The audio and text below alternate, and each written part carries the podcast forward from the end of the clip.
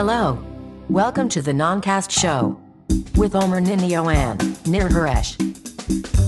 הלו, וברוכים הבאים לנונקאסט, תוכנית הטכנולוגיה המובילה בישראל. אה, זה פרק 086 של הנונקאסט, אנחנו שוב בשידור חי, יום שישי, 20 לפברואר 2015. היום בתוכנית המהפכה האינטרנט אה, בארץ התחילה, בקול ענות חלושה, אבל עם אה, תקווה לעתיד. טים קוק לא נחת בארץ. אה, האינטרנט בארץ מתגייס לבחירות, אה, וגם קצת מידע על שוק המחשבים בארץ, עם כתבה שיצאה אה, בגלובס. וגם בין היתר השמועות על הרכב של אפל מתגברות והציפיות לשעון מונמכות. ועוד חדשות מאפל, פייסבוק, סמסונג וגם כמה, שתיים, שלוש המלצות לשימוש שיש לנו בשבילכם. אז זה הנונקאסט פרק 86, בואו נתחיל לפני שיהיה מאוחר.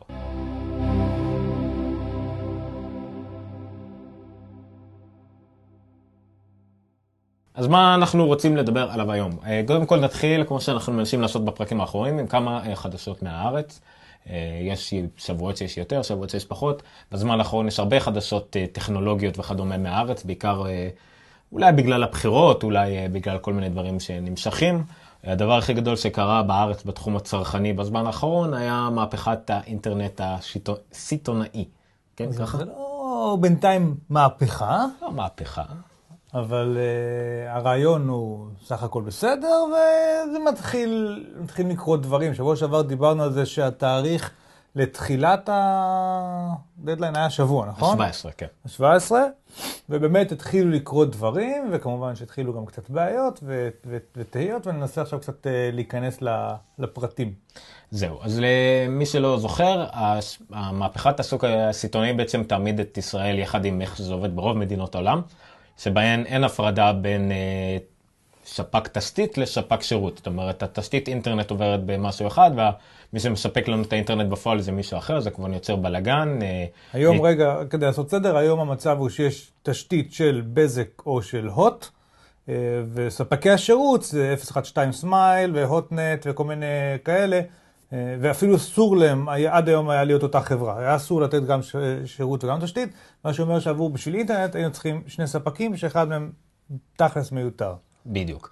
עכשיו, מה שבעצם יקרה זה שהם יהפכו את התשתית, המדינה הופכת את התשתית של בזק או של הוט לסיט- למוצר סיטונאי, זאת אומרת שכל אחד יכול באמצעות מחיר נמוך יותר ושנקבע יחסית מראש, אה, לרכוש את השימוש בתשתית הזאת ולספק שירותי אינטרנט ישירות ללקוח. זאת אומרת, לצורך העניין, חברה קטנה כמו אקספון הייתה תלויה בזה שקודם כל תתחברו או להוט או לבזק, והם היו נותנים לכם בסופו של דבר את מה שנקרא את ה-IP בסוף, את הגישה לאינטרנט, והם היו צריכים להתעשק עם התשתית, ואתם הייתם צריכים להתעשק עם התשתית.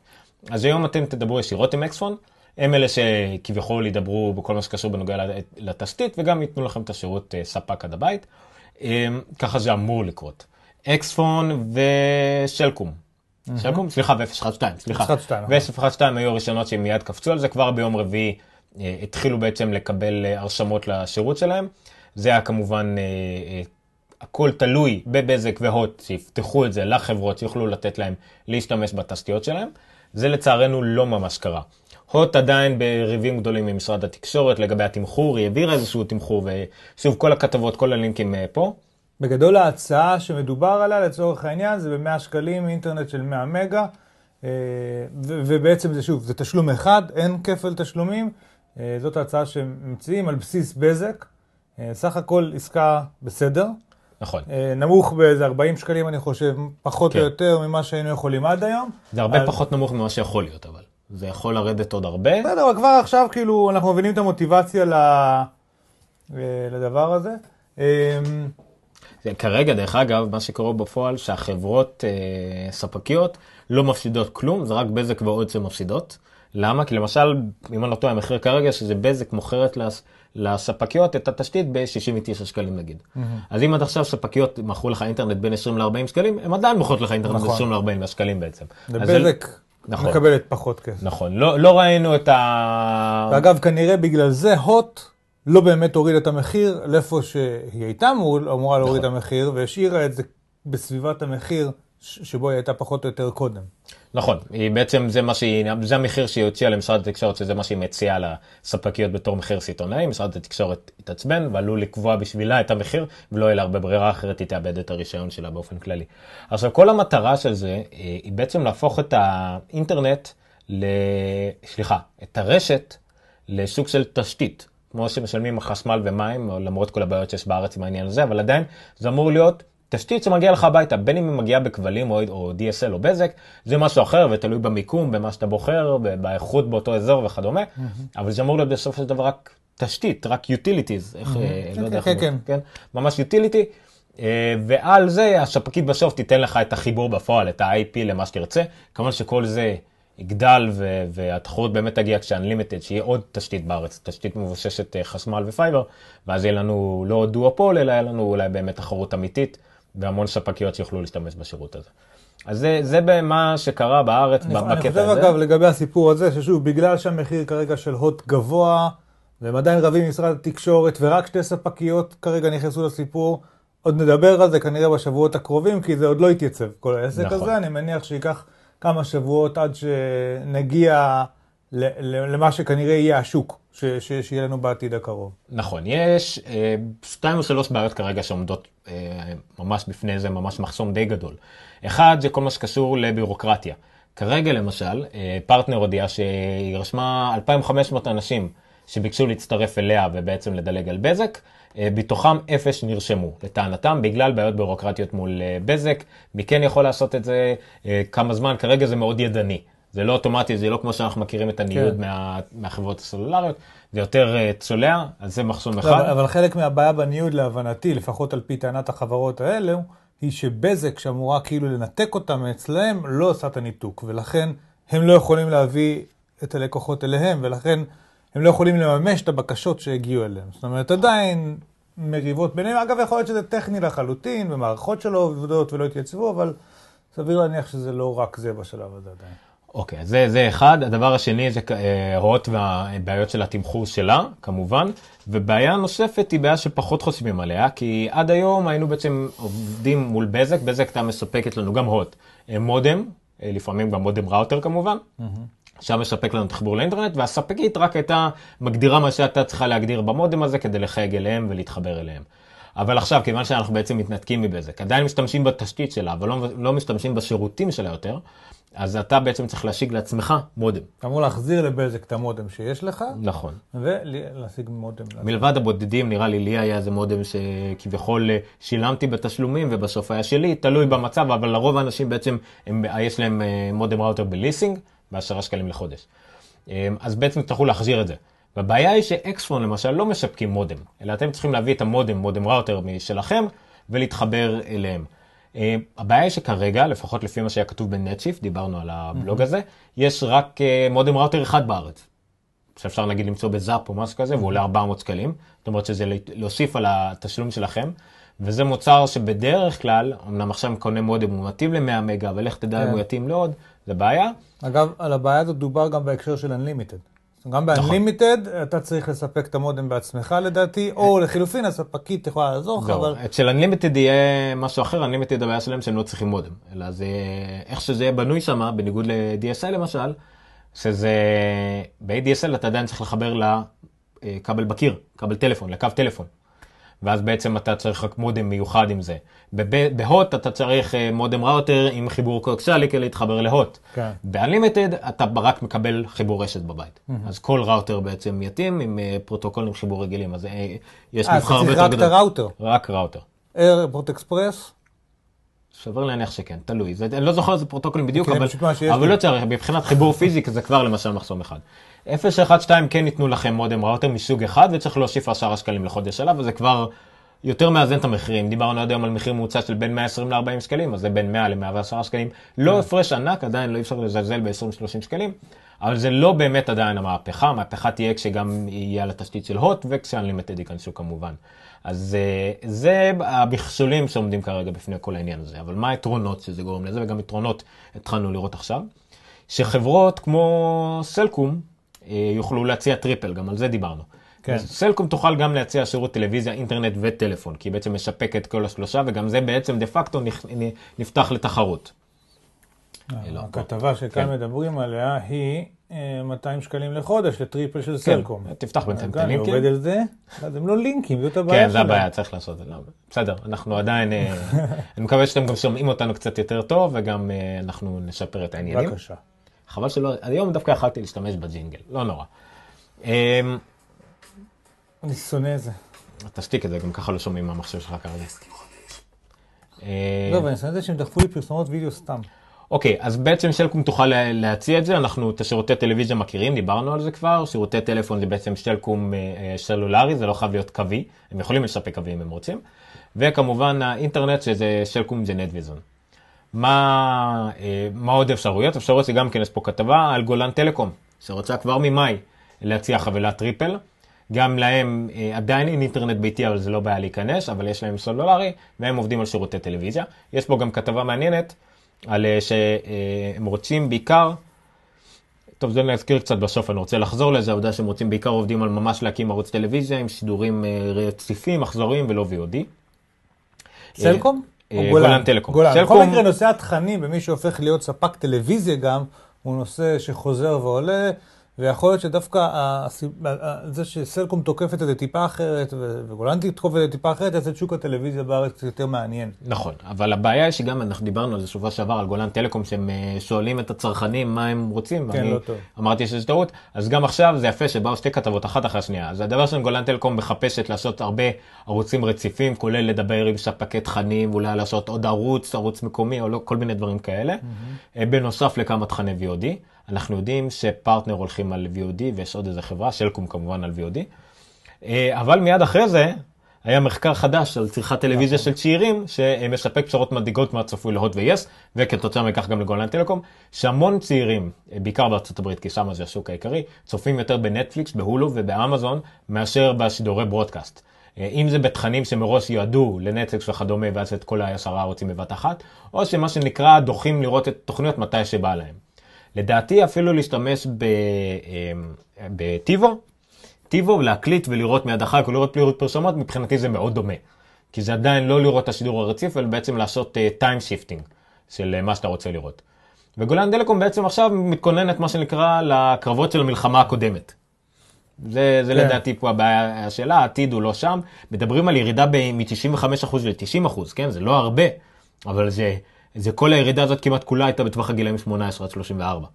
לא, אבל גם דיברו על אה, ירידה דרסטית, 10% מהצופים בספטמבר עד ינואר, נכון. פי שתיים ממה שהיה... בדיוק, בגילאים כן, 18 עד כן, 34, כן. גילאים מאוד חשובים. אנחנו מכירים מספיק אנשים, למשל, אני ועידן, שנינו אה, אנשים מאוד עם אה, נטפליקס והולו ואוהבים כל התכנים האלה, עדיין התחברנו לסלקום. למה? כי זה בעצם תור של כל העולמות, השידורי ברודקאסט הרגילים, 1, 2, 10 שהם מאוד חשובים שיהיו אה, בשידור רציף, ואז יש את השידורים של הוט וכדומה. הוט ויש למשל, יש להם ערוצים, יש להם ערוץ משפחה, כן. ועוד- אין בזה ממש פואנטה. רוב האנשים שמכיר רואים את זה ב-VOD. אף אחד לא יודע שיש יש אזורי או מה שזה לא יהיה, היום ב-9 ו-50 ויחכה לראות את זה. נכון, או שתראה את זה אנחנו- ב-VOD או תקליט. אז או שפיירט פיי, או, או אפילו- גלישה ישירה. כן, אפילו או תכנים- דברים. אפילו לא, תכנים חוקיים ישראלים. שכל מי שאני מכיר היום שרואה, הרבה, לא כל מי, אבל הרבה, כולל אצלנו בבית, שרואים סדרות, סרטים ודברים כאלה, זה on demand, אבל לא בהכרח מהסוג נכון. החוקי. כי בין השאר, אה, אם אני רוצה לראות Top Gear יום אחרי שהוא יצא באנגליה, אין לי כל כך איפה לקבל את זה כרגע, למעט ב Pirate Bay. אה, לא לא אמרתי שאני עושה את זה, אמרתי שהייתי רוצה לא, לעשות את גם זה. אם אתה מחכה לאגו, או משהו, איפה שזה לא ישודר, זה... אני צריך אחר גם כך ביום הזה, בשעה הזאת, להיות מול הטלוויזיה. וגם אם לא, אז היית מקליט ורואה את זה אחר כך, וזה עדיין מחטיא את המטרה של טלוויזיה רציפה. נכון. זה לא משנה כמו לשים לך את זה ב-VOD. א' כל יש דרך חוק, כמעט חוקית לחלוטין לראות אה, זה, אז לא חייבים לדבר על Pirate Bay, אני רואה Top Gear מיד שהיא עולה ב-iPlayer, BBC iPlayer. כמעט חוקי. בסדר. ואיזה שידורים חינם, מישהו שילם על זה אגרה. לא נכון. אנחנו, הבריטים, אבל מישהו שילם על זה אגרה. אז זה, אז זה יפה לך, מהפכת אינטרנט כנראה גם תביא למהפכת טלוויזיה, מאוד מאוד מבורכת. אה, דיברנו על הבדל בין אה, תכנים פיראטיים לא פיראטיים, יהיו למשל עכשיו שימה לראות את האישה הטובה שלוש עונות בשבוע אחד בערך. כן. ועכשיו אמרתי על סדרה אחרת, עכשיו יש לי גם סדרה שהורדתי נקראת אופן בלק. אני אומרת לה, את מעבירה לרוקו, הולכת לפלקס, כן. הולכת לשם, אם אין כתוביות, אופציונס וזה, ואז ראינו שאת אופן בלק בסלקום TV. עזוב אותי מערוץ 2, אני בכמה כפתורים מגיע ישר לשם, רואה את Orphan Black כן. ואתה את הערוץ. אין מה לעשות, על נוחות כאלה אנשים יהיו מוכנים לשלם פחות. נכון. לשלם יותר, כי נשלם פחות בעתיד, אבל זה בהחלט גם לשלם פחות וגם לקבל תכנים יותר נוחים. אה, שידורי ספורט בצד, אין מה לעשות. אה, למרות שערוץ 5 בסלקום סבבה יחסית, בינתיים מה שאני רואה שזה כדורסל, ראיתי את ה All-Star ב live, ב-HD, ראיתי את אה, המשחקים של מכבי והמשחקי גביע שהיה עכשיו ב-HD, אפילו אם זה לא HD זה הרבה יותר טוב ממה שאני רואה בערוץ 10 או ערוץ 1, והכל באפליקציה, זה כביכול אפליקציה של ערוץ 5 בשלקום. ואתה עדיין עושה מני... אה, בערוץ 5. ערוץ, סליחה, נכון, האפליקציה של ערוץ 5 בשלקום. כן, כן. רואים מטורף, וזה אינטרנט, זה לא שונה משידור אינטרנט לגמרי. נכון. ורואים ממש ממש מטורף, זה ממש יפה. אמ, אז, אוי, ועדיין לא הפעלנו את זה, אבל לא נורא, אני אפעיל את זה תכף. אז כן, זה על המהפכה של מה שקורה בארץ, זה עדיין שקט, לדעתי הרבה מהדברים, והרבה מהדברים שיכולים לקרות אה, קצת משותקים, בין היתר בגלל הבחירות. אה, בין היתר... יכול להיות שגם חלק מהדברים שמתקדמים, מתקדמים בגלל הבחירות, עוד אה, מהפכה אחת, אם אפשר להכניס לפני הבחירות, ככה יהיה... אסור. זה, זה דברים שהתעכבו. זה כרגע למשל משרד התקשורת מטפל בזה, משתדל מה שנקרא הולך על, אה, על זכוכיות כדי לא, לא להיכנס לדברים שעלולים אה, להיחשב כתעמולת נראה לי בחירות. שאומרים הולך על ביצים. הולך על ביצים, אני אישית זה הולך לא על זכוכיות. לפחות פעמיים בשבוע אני הולך על זכוכיות. זה בגלל שאתה תכלס סוג של משרד תקשורת. זהו, האמת שזה זה טיעון גם מאוד ישן, זה לא, הדברים האלה למשל, רגולציות וכאלה לא צריכים להיות תחת משרדים. זה צריך להיות כמו בארצות הברית, צריך להיות רשות תקשורת. לא ניכנס שמצבם. טוב יותר משלנו, יש להם את הבעיות שלהם. מבחינת אבל רשות התקשורת שם היא, היא כן פועלת הרבה יותר. שם זה בעיקר עניין של אה, כוח וממון שיש לחברות הגדולות. אוקיי, אז נדבר על הביקור של טים, שנחת בשבת עם בן זוגו במלון בוטיק בתל אביב. שישי או שבת, נראה לי הוא נחת בשישי בבוקר, בכל זאת שבת, אין טיסות. נחת בשישי בבוקר תוך כדי ש... לא, יש טיסות בשבת של חברות זרות, אבל בשבת... אה, זה בכלל מטוס פרטי? לא, לא, בשישי הוא נחת, ובאותו זמן הוא גם נתן נאום בסטנפורד. ליד הנשיא אובמה, ככה כן. שהוא הצליח אה, זה. מדהים. כנראה שרק אם אתה יודע באמת להתפצל ולהיות בשני, שתי יבשות באותו אולי- זמן, אתה יכול לנהל חברה של אולי אפל מתקדמת בתחום הקוונטי. או. משהו, אה, כן, אז אה, בוא טים נעשה קוק- סדר, כן, אז- בוא, לא, אפשר להגיד בדיוק מה שהיינו אמורים להגיד אם הוא נוחת בארץ, רק להוסיף לא לפני אוקיי, כן. אז טים קוק. לא נחת ביום שישי, אה, לא עם מטוסו הפרטי ולא בנתב"ג. הוא לא הגיע עם בן זוגו. הוא לא סייר במסעדות ומוזיאונים בתל אביב, כמו שצחי הופמן לא ביקש שאנשים ידווחו לו אם הם ראו את זה, אם הם ראו אותו. מה עוד לא קרה? אני חושב שאתה אה, הוא לא נאם ביום שלישי. רגע, לינק של גלובס לא עובד? כאילו מה, מתכחשים לזה שהם פרסמו את זה, או שזה רק אצלי לא עובד? את המקן, הם הורידו את המקור. אה, נהדר. הם הורידו את המקור. יש רק את ה... לא כותבים טעינו. כן, אז בואו תכניס דווקא את הדבר שכן קרה. איזשהו כנראה עובד אפל או מישהו אחר הדליף תמונות מתוך המשרדים בהרצליה. אהבתי שבאיזושהי כותרת של איזשהו עיתון אמרו אכזבה או מאוכזבים, כי המשרדים האלה נראים כמו, אה, איך קוראים לזה? אה, משרד? כן, נכון, זה. אז זה- זה היה באמת כאילו טיפשי להפליא שאנשים יתאכזבו מזה. הייתי במשרדי אפל ב- של אנוביט, ב- לא רחוק משם. אבל זה היה משרדי אנוביט, זה לא אותו דבר. שתיים הזה לא עובד כל כך טוב. אה, כי אנחנו לא זה, רגע, הנה כאן. כל הפוקוס? לא, לא, נכון, כן. אוקיי. אוקיי, אז uh, הייתי שם, זה זה לא אותו. דבר, אבל הייתי לפני השיפוץ ואחרי השיפוץ. אחרי השיפוץ זה נראה כמו משרדי אפל. הייתי בעוד uh, משרדים של uh, אפל גם כן שמה. זה הבניין אה, כמו, של אפל במשכית 12 בהרצליה. זה נראה כמו משרדים רגילים, רק עם המון מקים. הנה, תסתכל, אתה רואה מה צילמתי לך אז? כן. הלוגו של Windows מעל הלוגו של אפל בלוגו. של אפל. אז זה פשוט. זה אותו דבר כמו כל משרד אחר שאתם מכירים, שהוא לא סטארט-אפ אה, מגוחך עם, אה, לא יודע מה, כדורים צבעוניים וכאלה, אה, פשוט עם המון מקים. אני לא יודע מה... לחדרי ישיבות קוראים קרבון, ומה זה זה? אני לא מצליח לקרוא מה כתוב שם. לא יודע, לא זוכר מה זה. אמ, יש שם קצת כן, אהבתי. שבאיזה חברה, בצ'ק פוינט, איך קוראים למשרדי ישיבות? Mm. להקות. יש אה, Rolling כן? יש Chili Pepper, יש כאילו... אה, ב Applied זה שמות של מדענים, יש אה, טסלה וכל מיני. כאלה. חנונים, חברת מדע. אז זה מה שלא קרה. עכשיו, אה, וטים קוק, אם אני לא טועה, הוא... המשרדים של אפל לא נפתחו באירוע לא חגיגי, בלא יום שלישי. זה משחק יפה, אפשר להמשיך אותו הרבה. אה, קיצור, מה קרה פה? היה איזושהי שמועה על זה שיש את המשרדים החדשים, כולם יודעים, והם נפתחו באמת לא מזמן.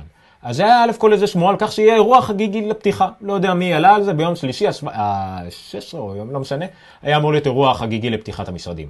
שאמרו, יש כבר אירוע פתיחי, זה מרכז הפיתוח הכי גדול לאפל מחוץ לארצות הברית. שים אותך. אה, אני צריך לספור. מחוץ, מחוץ לארצות הברית, כן, אנחנו קצת זה זה, אה, מחוץ לארצות הברית, אז מן הסתם שגם מנכ"ל החברה יהיה פה אה, לנאום וכדומה. אז כולם שיראו שא' כל המשרדים ייפתחו באירוע, ושטים קוק יגיע. אה, זה הגיע לממש ככה שזה התגלגל, אני לא זוכר כבר, באמת, אני אכניס את כל הלינקים. דה מרקר נראה לי יצאו על זה בהכרזה הכי גדולה, כולל הודעה יחסית, אה, הודעה באלף, אה, בטעות שלהם. אה, והם הדיעו וגלגלו, ומי שאחראי על זה ניסה באמת למצוא כמה מקורות שיגידו, ואף אחד לא מוכן. בגלל שזה השילוב של זה, ויחד עם העובדה שאפל מאוד לא מפרשמת פרטים כאלה, אז לא אפילו דרך לוודא אם זה נכון או לא נכון. עזוב לוודא אם זה נכון, רק אם זה, הטור של ההיא, איך קוראים לה? אה, רק אם זה באמת לא קרה. אה, איך אה, מטוס מלך הסוכר.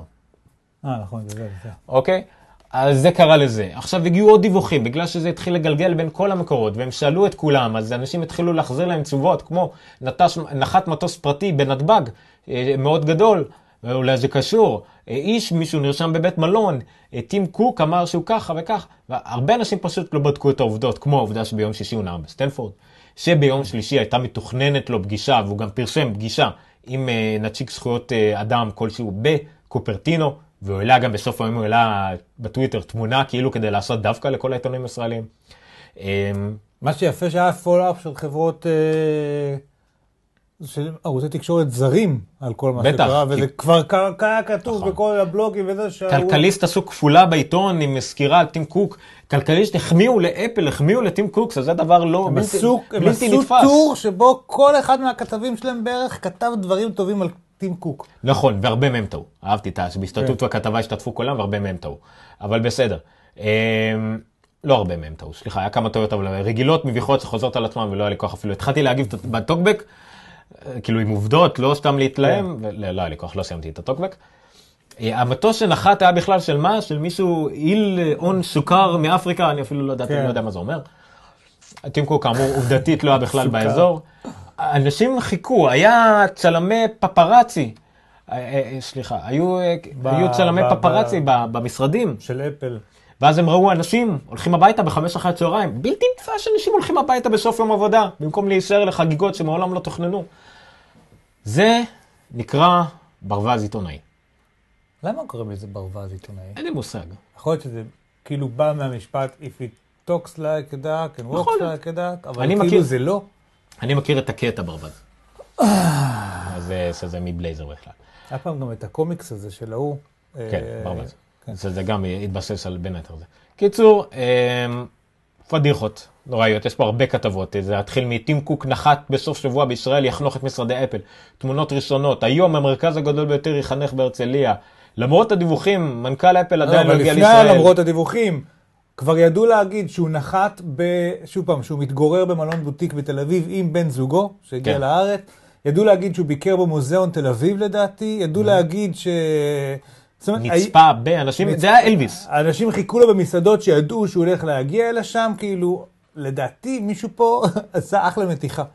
זה, זה נוראי, כן. יש את הבלוג 404, אה, שסקר את זה יפה, את כל הטעויות, כן. וכמובן הפוסט של, אה, שכחתי את שמה כרגע, סליחה, מדה מרקר. הנה, אה, אני במקרה כן. פה, רגע, הפוך, כן. אה, ריינס, האמת, אה, כן, לא יודע. הנה סתם, תראה את התמונה למטה, זה הוא פרסם, זה ראיתי בסוף יום. כאילו ממש הלכתי לישון, טים קוק ברור שלא היה את האירוע, לא היה כלום, ראיתי את הציוט הזה, מיד שלחתי אותו לאנשים שכתבו את הכתבה, אמרתי להם, באסו לכם, וזהו. אמ, אז זהו, זה טים קוק לא היה בארץ, זה היה שיפור מאוד גדול ומגוחך. כן. טוב. אה, אבל אני רוצה לציין שחלק מהשמועות אומרות שהוא יבוא שבוע הבא. באמת? שהוא יגיע בסוף שבוע הקרוב, כן. אה, נכון, כי יש יחסית, עכשיו בדיוק יש זמן מאוד פנוי לאפל.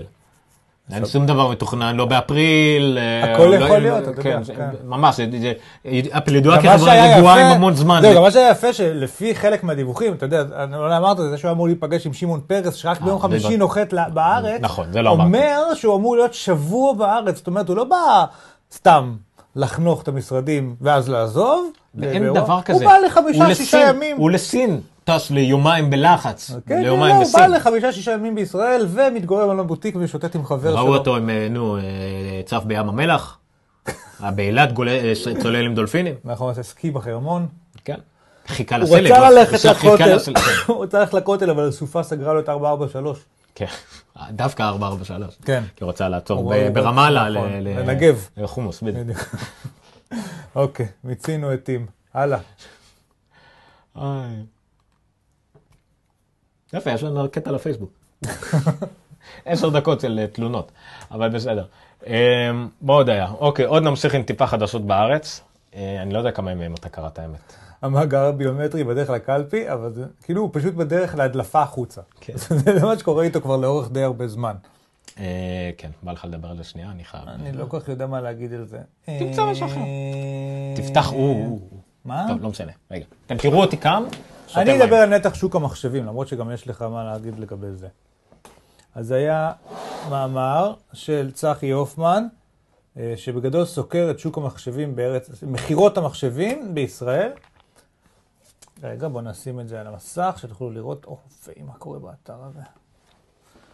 והמספרים הם מעניינים, 385 אלף לפטופים נמכרו בישראל ב-2014, אה, עלייה של 2% לעומת 2013, שזה מעניין, כי בחלק מהמקומות בעולם, ארה"ב, או אפילו בעולם כולו, אני חושב, מדובר על ירידה קלה במספרי ה-PC, אה, מכירות של ל-PC, לנובו בישראל, המותג הכי חזק, אה, גם בשוק העסקי וגם בשוק הפרטי, אה, נתח שוק שלהם עלה מ-25 ל-30 אחוז. אגב, גם אני עם לנובו פה מהעבודה, אז יכול להיות שגם אני תרמתי להם קצת אה, לנתח השוק שלהם. אה, אפל הגדילה את נתח השוק שלה ב-100 אחוז, מ-1.5 אחוז ל-3 אחוזים. כן, היא בדיוק מעל אה, others. כן, בדיוק. אבל זה עדיין, זה הרבה יחסית בארץ. כן. זה- תמיד זה היה באחוזים מאוד אני מאוד רק רוצה. לציין ששוב, בתור, אני הרי פנבוי, אפשר לקרוא לי, או עם אפל לצורך העניין משנת 2001, אה, אלו היו מספרים שהיינו רגילים אליהם לאורך המון שנים, באופן כללי הברית ובעולם, 1.5, 3 אחוזים, תמיד עלו בחצי אחוז, ירדו בחצי אחוז. אה, אבל האמת שבימים ההם, שבארצות הברית זה היה 3, 4, 5 אחוז, בישראל לא פינטזנו, כאילו, אנשי המק לא פינטזו על כל כך הרבה תשומת לב וכאלה מספרים גבוהים לצורך העניין. אני, האמת, רואה, היום בישראל כבר רואים מקים, הרבה, בכל מקום, אתה הולך לבתי קפה, אתה הולך לאוניברסיטאות, הולכים לחברות, אה, יש, יש מקים, ושוב, כמובן לא בכמויות של לנובו וכאלה, אבל... בקיצור, זה לא הנושא של הכתבה. הנושא של הכתבה היה המספרים, אז דיברנו על אה, לנובו מקום ראשון, 30% מהשוק, HP מקום שני, גם הם בגידול קל מ-21 ל-23 אחוזים, והמקום השלישי דל, עם גידול זניח, לא מבין איך כולם גודלים, מי ירד? אה, אוקיי, חברת אוס אסוס שהובילה את הלפטופים בשנת 2012, היא הידרדרה אה, למקום הרביעי. אה, בין השאר עקב בעיות אה, שירות שקיימות שם וכדומה. אה, קצת מחשבים לתושיבה, מה עוד יש לנו כאן? אה, אייסר, תושיבה מקום חמישי, אייסר ירדה למקום שישי, עם איזה, גם כן ירידה קלה לארבעה אחוזים. ואפל כאמור מקום שביעי, זאת שעלתה אה, אה, מ-1.5 ל-3 אחוזים. אה, מה שמעניין בכתבה הזו, אה, זה העובדה שמילה אפל כמה פעמים מופיעה פה? אני חושב שמשהו כמו איזה לפחות עשר פעמים, תפוח, אפל, אה, אייפון. עכשיו זה נכון שמותג של המחשב הוא אפל, אבל... אה, אפל לא מכרה מחשב אחד בארץ. כן. אפילו אפילו עובדי אפל כן. לא קנו מחשב אחד בארץ. כן. הם לא, קנו אבל- הכל מהדיגיטל. אבל אז השאלה אם גם, תשמע, מצד שני, גם לא כותבים פה על סוני מי היבואן שלהם, חטא יוד אלקטרוניקה. אתם לא מתייחסים לזה ככה. מתייחסים למותג עצמו כמה הוא מוכר. זה נכון חלקית, כי באחרים, שחטא יוד זה של LG בכלל לדעתי. לא משנה, אבל אוקיי. העניין הוא שגם באחרים, זה זה הסגנון דיבור. פה הם מדברים על אפל ישירות, אפל צריכה להגדיל את השיווק שלה, להוריד את נכון. המחירים וכדומה, ספציפית, ולהתעלם חלוטין מ... גם באחרים אין ממש בלעדיות כמו שהדיגיטל בלעדית על נכון. אפל. זה, זה מטורף. וגם אם פה, יכול להיות שהם הזכירו את היבואניות. אפל חייבת לנצל את המומנטום הזה, להוריד מחירים, להשקיע בשיווק ולרכב על האהבה של הישראלים למותר התפוח. אז כאמור, אפל לא עושה פה כלום. נכון.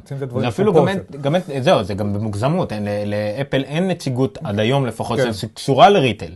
ל-HPS, לסמסונג יש, נכון. ל- אין להם שום נציגות שקשורה לזה, זה, הדיגיטל עושה הכל, מהשיווק ועד המכירה בסוף, כולל המחסן, כולל החנויות. אין כמעט גם חנויות חוץ מהדיגיטל שמוכרות מחשבי אפל. לא קיים כמעט כזה מה יותר. שעוד מעניין אותי בכתבה הזו, זה שמדובר רק על לפטופים. לדעתי כן. בכל הכתבה. סוג הדסטופים כאן הוא פשוט כמעט כולו סיני. כן, כולו- OEMs כאלה, unbranded, ומעניין לראות שם, לדעתי, דווקא מתוך branded, איך האחוזים נראים. אני יודע שזה אחוזים קטנים, אבל בגלל שלא ניכרים באמת ברנדים של דסקטופים בצורה... אצלנו בעבודה, כל המחשבים הם דסקטופים שחורים, ש... אין- אתה לא יודע דווקא איזה הרבה. זה, כי שם זה כמעט הכל עסקי.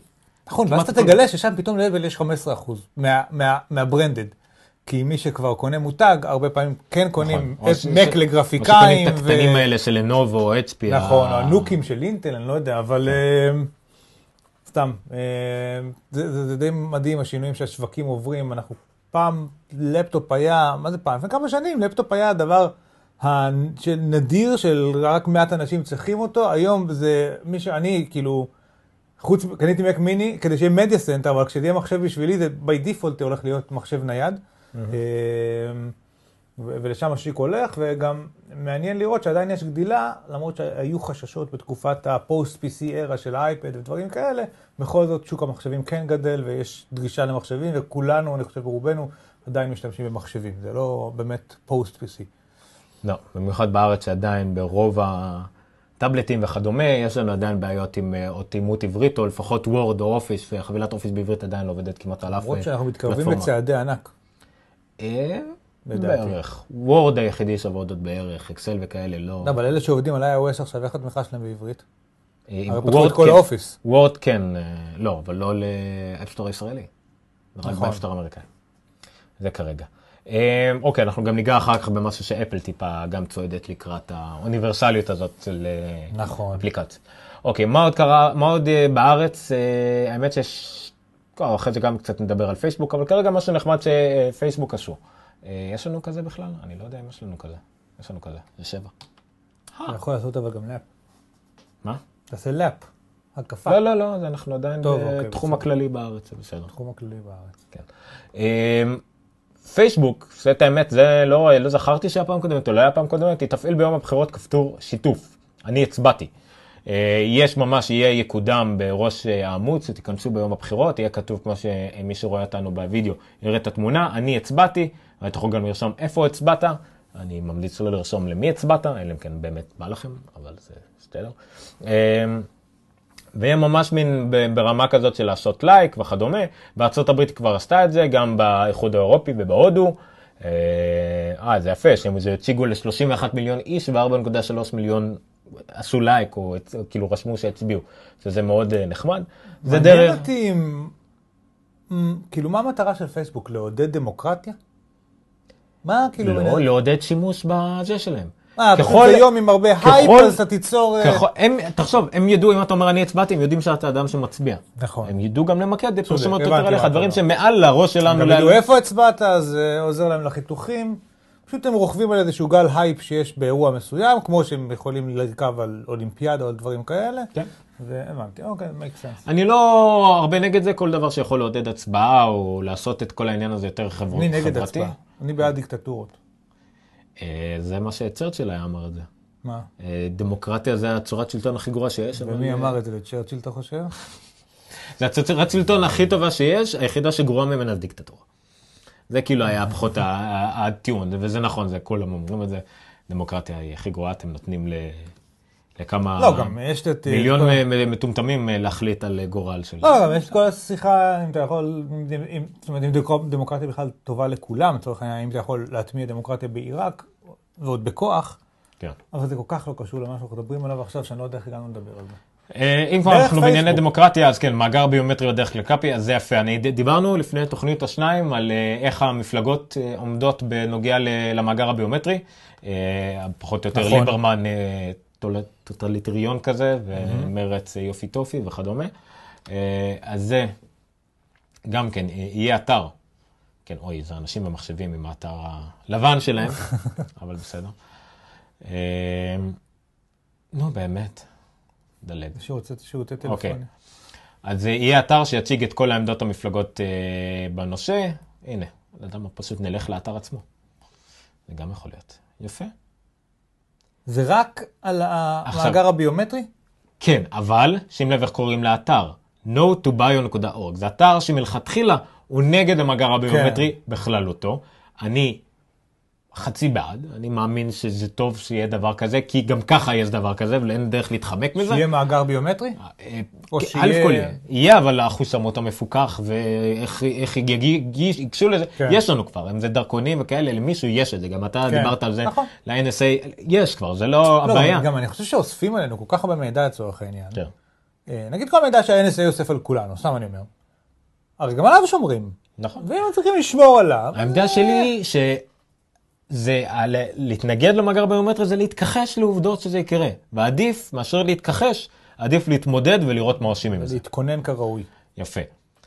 אז יש פה, הם חילקו את זה לשניים, יגנו על הנתונים שלך, יפקירו את הנתונים שלך ולא מבטיחים כלום. עכשיו אני זוכר פעם קודמת שדיברנו על זה, יש עתיד למשל היו בסך הכל חצי בעד הביומטרי, אבל מאוד הגנה ורק לצרכים פליליים והסתה כן. וכדומה, אבל הם רשמו את זה שהם יפקירו. מן הסתם המחנה הציוני ומרץ והרשימה המשותפת, שזה הערבים, אה, יהיה כמובן יגנו. אה, הבית היהודי, הליכוד וש"ס לא מבטיחים כלום, מי עוד מפקיר? אה, אלי ישי. כולנו גם לא מבטיחים כלום. אתה, רגע, יש את המפלגה של אלי ישי. חצי מדברים עליה, כי אולי אולי לא עובר את העבר. אני רוצה להגיד שאני ממש לא לא, מעורב בכל זה- שקורה אז זה. חשוב, אבל זה חשוב. העם איתנו, אוקיי. בראשות אלי ישי, כן, כן. בכל ביתי נאמנו, זה הסלוגן שלהם. ויש פה סוג של מגן דוד עם המם, מה אומרת לך המפלגה הזאת?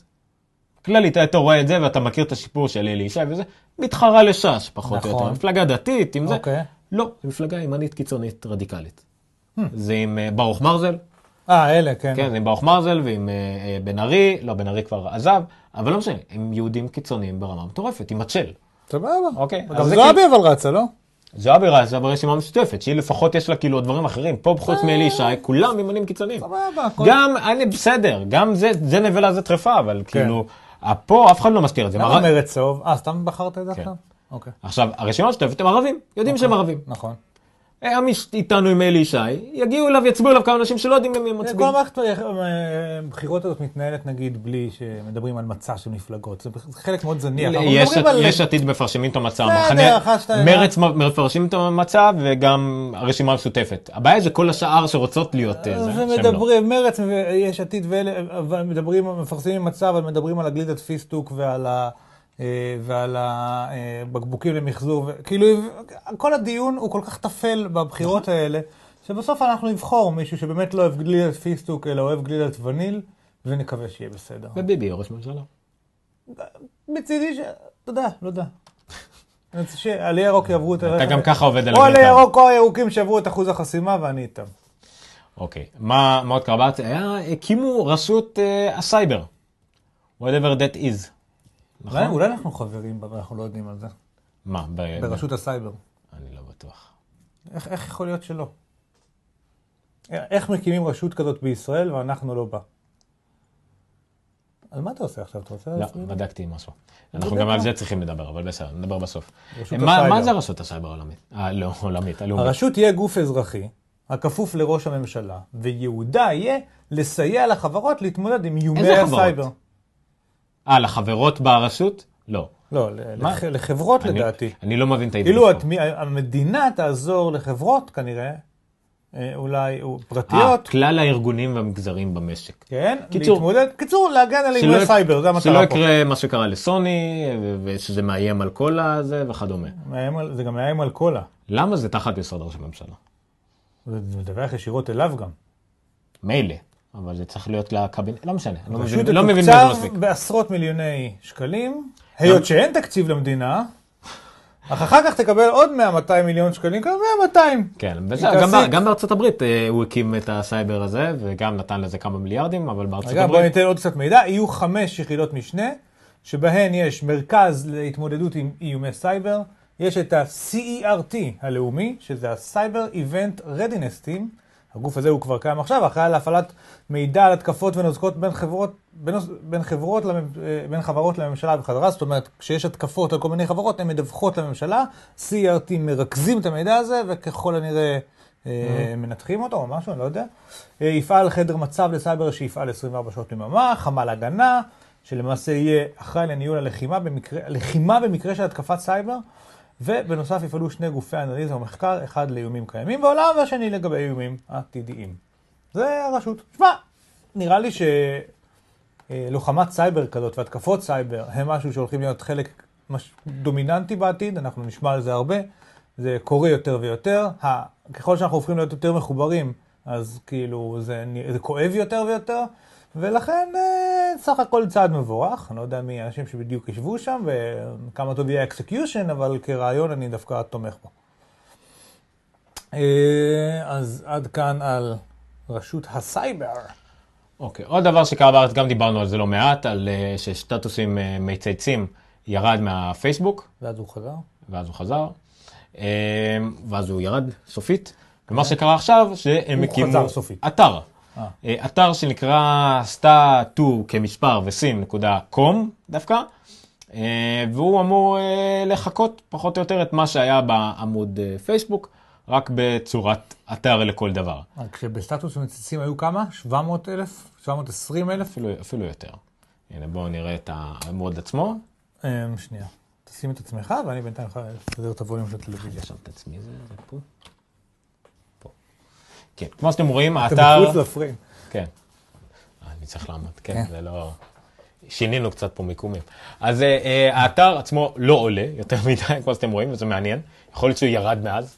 בכל מקרה, הוא היה אתר שנראה נורא, בנוי כמו חיקוי של עמוד פייסבוק, שזה כנראה הייתה המטרה שלו, ולא לא היה ברור לי כל כך מה המטרה שלו, כי זה לא מסוג הסטטוסים, זה לא מסוג הדברים שכאילו, כן, רואים לבן, זה כן, האתר. זה אתר נהדר. טוב שאנחנו מראים את המסך ברקע, שאחרת אנשים לא היו יודעים צבע לבן איך הוא נראה. אני לא יודע אם אה, זה, או, הנה, קפץ לשנייה. הנה. הופה. אוקיי, האתר גם מחול, אז הוא כנראה בגלל זה בין היתר למה הוא כל כך איטי. מאוד לאט, הוא נראה כמו דף פייסבוק לכל דבר, כולל אפילו הדברים האלה פה בצד ואיך שהוא בנו, הוא נראה כמו דף פייסבוק של פעם, היום כן. דפים כבר לא נראים ככה, ה timeline של פעם.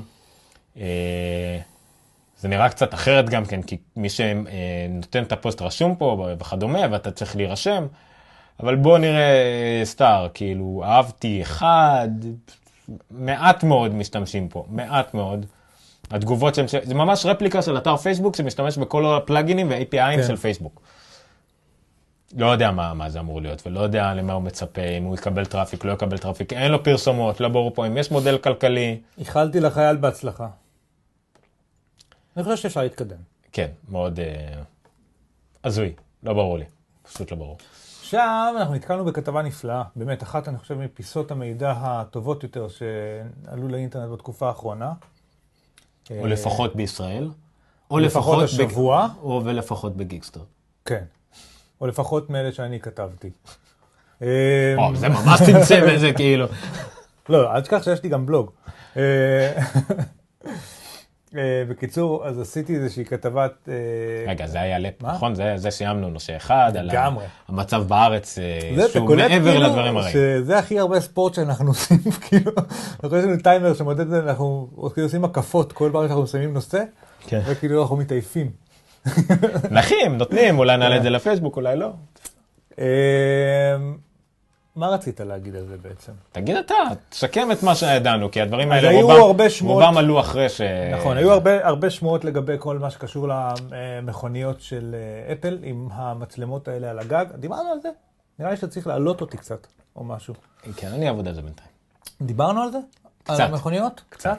סבבה. אז אני אתן, אבל היה כל, כל השמועות הרציניות. בדיוק, אז אני אתן תקציר. של הכתבה קצת, אה, ש... תקציר של הדברים, שזה בעצם מה שקרה בכתבה. אה, התחילו שמועות כלשהן על זה ש... וואי, תחשוב שמישהו רואה את זה עכשיו, אני פשוט מתחיל לרחף שם. אה, התחילו שמועות אה, על, על זה שאפל, איך זה התחיל? זה התחיל מזה שראו מכוניות כאלה, כמו הדודה השחורה שאתם רואים עכשיו ב- על המסך, מי שרואה, אה, דודג'ים שחורות כאלה עם מערך של מצלמות על הגג, בדיקה של כל מיני אה, עיתונים, אני כבר לא זוכר של מי, הראתה שהרכב אה, רשום אה, במשרד הרישוי האמריקאי אה, על אפל, אה, ומכאן התחילה סדרה של ספקולציות, שמועות ומידעים כאלו ואחרים להגיע. אה, הדילמה הראשונה, כאילו הספקולציות הראשונות היו אה, שמדובר או על אה, משהו בסגנון גוגל view, אפל רוצה להעשיר את המפות שלה. עכשיו, אתם זוכרים, יש את הגוגל street, איך גוגל? Street View. street view, זה, כן. אה, אז יש את המכוניות של סטריט ויו של גוגל שנוסעות עם מערך מצלמות כזה על הגג ומצלמות את הרחוב, ואז מאפשרות לנו אחר כך להיכנס למבט של כאילו אנחנו עומדים ברחוב. אז אחת הספקולציות היו שבעצם אפל עושה משהו דומה כדי לשדרג ולהעשיר את המפות שלה. אה, אבל ספקולציה אחרת הגיעה ואמרה שייתכן ומדובר במערך מצלמות שיכול לשרת מוצר שהוא רכב אוטונומי לצורך העניין. אה, 12 מצלמות, כל הכיוונים, יש שם מין סוג של רדארים כאלה. אה, זה יכול להיות כל מיני דברים. אה, בשלב הבא, כמה ימים אחר, היה, היה קצת שקט כמה ימים, התייחסו לזה בהתחלה בצורה, אוקיי, אפל עושה כל מיני ניסויים, אז בטח יש איזה שניים שלושה מהנדסים שלה שעובדים על, על, הם עובדים על מלא מוצרים, אז גם בכיוון הזה אולי הם בודקים בזה משהו, איזוטרי, יאללה, נמשיך הלאה בחיים, הכל בסדר. Uh, כעבור שבוע, Business Insider כבר פרסמו uh, ידיעה אה, של ראיון של מישהו שהוא היה עובד אפל, או שהוא עדיין עובד אפל, שמכיר את הפרויקט, והוא אמר שהפרויקט הזה הוא פרויקט מרגש מדי, מכדי להתעלם ממנו, והוא אפילו אמר ש... אה, אה, שזה הולך לתת, כאילו, אני לא זוכר את הביטוי האנגלי שהוא השתמש, אבל זה הולך לתת לטסלה אתגר משמעותי, או fight for the money, או משהו כזה. היו המילים שהוא השתמש. אה, פה כבר התחילו הדברים להתעורר, כי אם מישהו מבפנים שמכיר את הפרויקט ושם את טסלה מול הפרויקט הזה, אז הכל כבר נהיה הרבה יותר מעניין. אה, זה התחבר ישר לכתבות שכן דיברנו עליהן, על הגירה של, או ניסיונות חטיפה או העברה של עובדים מאפל לטסלה ומטסלה לאפל. אה, ספציפית, השמועות התחילו להתמקד בזה שהעובדים עוברים לפרויקט הזה, כי הוא מאוד מעניין אותם והוא אטרקטיבי מאוד. אה, היו עוד שמועות שפשוט אמרו שזה סוג של continuity, כמו שהאייפון היום מדבר עם האייפד ועם המק, הוא גם יתחיל לדבר, יש CarPlay, הוא יתחיל לדבר עם ה CarPlay שבאוטו. אמ, והשמועות המשיכו אה, להתעצם. עדיין הכיוון של קארפליי או דברים כאלה של פשוט התממשקות טובה יותר של אפל עם הרכב עצמו הייתה האפשרות הסבירה יותר. אבל אז אה, עברו עוד כמה ימים והשמועות התחילו להיות מעניינות הרבה יותר. Financial Times פרסם שאפל מגייסת מומחים מתחום הרכב למעבדת מחקר סודית אה, ושמעצבים של, של ג'וני אייב, כאילו מהדיזיין באפל, שהם החשובים והמשמעותיים באפל, אה, כבר נפגשים עם בכירים בתעשיית הרכב. אה, מומחים, אה, ש, ש, מומחה שעבד לצד אפל שנים, אמר שעד לפני שלושה חודשים הוא חשב שמדובר באמת על משהו שקשור לקארפליי, אבל לפי המידע החדש הוא כבר לא חושב את זה בכלל, וכן אה, חושב שמדובר על מכונית של ממש. פתאום התפרסמה, שמ... לא שמועה, ידיעה על זה שבספטמבר האחרון אפל גייסה את אה, יוהאן יונגוורס, שאנחנו רואים פה בתמונה, אה, שהוא מופיע בתור דירקטור של Mac Systems and Engineering, Mac System Engineering את אפל, אבל בפריוויוס שלו הוא היה מרצדס בנס ריסרצ' של R&D של נורת' אמריקה. בן אדם שמתמחה, אז הוא גויס לאפל בספטמבר, ממרצדס, מה-R&D של מרצדס, בן אדם שמתמחה בנושאים כמו מכוניות מחוברות, מכוניות כאילו מחוברות לאינטרנט, אה, מכוניות אוטונומיות, בדיקות, רגולציה וכל מיני נושאים כאלה שמאוד מתחברים טוב עכשיו לדיבורים על אפל כיצרנית של איזושהי סוג של מכונית. אה, באותו יום Wall Street Journal פרסמו עוד כתבה שמאות אנשים באפל עובדים על רכב. יש מחלקה, פרויקט מאוד גדול, כבר נחשפו עוד תמונות של דודג'ים כאלה, הפעם לבנות. אמ, את הפרויקט קוראים Titan, כבר עכשיו כולם באינטרנט קוראים לפרויקט הזה Titan. אה, ושאפל נפגשת עם חברות כמו Magna Steyr האוסטרית וכל מיני חברות רכב אחרות. שמע, אני סתם, אני, אני, כן. אני מתערב כאילו, אבל כי זה, הדברים האלה קורים ממש מהר. היה ידיעות, כנראה ממש מהשעות האחרונות. רגע, רגע, רק אעצור פה, ואז דיברו על זה שכבר נתנו שם של אה, סטיב זדסקי, מהנדס בפורט בעבר, וסגן נשיא באפל, שכבר קיבל אישור להקים צוות של אלף איש, רובם מתוך החברה. אה, עובדים במיקום נפרד מה, מהקמפוס, ואחר כך כבר הגיע עוד פרסום שאומר, אה, מרויטרס, שאומר שהם מכוונים לא בהכרח למכוניות אוטונומיות, ש... אה, אה, שהם כן מכוונים למכוניות אוטונומיות ולא רק מכוניות חשמליות, כאילו. כל הדבר הזה תפס תאוצה אדירה, אדירה, אדירה, וכמות השמועות, והתפרסמו אחר כך עוד רשימה של כמה, איזה 17 בכירים מחברות רכב שונות ש... אה, טוענים שאפל גייסה אותם.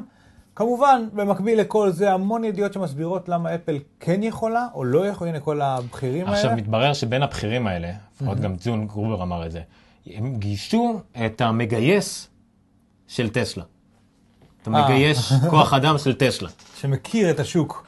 אה, כן, ואפילו גרובר אומר, אני הייתי מאוד סקפטי, אבל בדרך כלל כשיש עשן יש הרבה אש, ופתאום יש מלא עשן. כן. וזה נהיה עוד יותר קיצוני לזה, וזה מה שלמה נדחפתי מקודם. כי בלומברג, אני לא מוצא כרגע את הכתבה המקורית, אז נראה את נכון. מה שיש מהמק אובזרבר, אומרים שככל נראה אפל מתכנן את המכונית ושתהיה בשוק עד 2020. זאת המטרה חמש שנים. עכשיו. בין 2017 תחילת עבודה, 2020 אה, ייצור בפועל. שמע, אני רוצה זה, לומר זה על נהיה זה... ענק, זה- כאילו, אני, אני עדיין חושב, וזה הבאתי כתבות אחרות עוד לפני כן. כן, שזה נורא לא הגיוני לייצר מכונית. וכן, אמנם המנכ"ל לשעבר של GM אמר שמה יש לחברת טלפונים לעשות בשוק המכוניות, אנחנו הרבה, עבדנו הרבה מאוד זמן להביא מכוניות, תחליף את המילים, זה מה יש לחברת מחשבים. לעשות בטלפונים, זה מה שמנכ"ל. בלק, מנכ"ל בלקברי אמר. נכון. לא, זה מילה, כמעט מילה כן. מילה מה זה מנכ"ל בלקברי אמר בזמנו. אה, אז נכון, אי אפשר לזלזל בשאפל יכולה להיכנס אליה, אבל זה אחרת.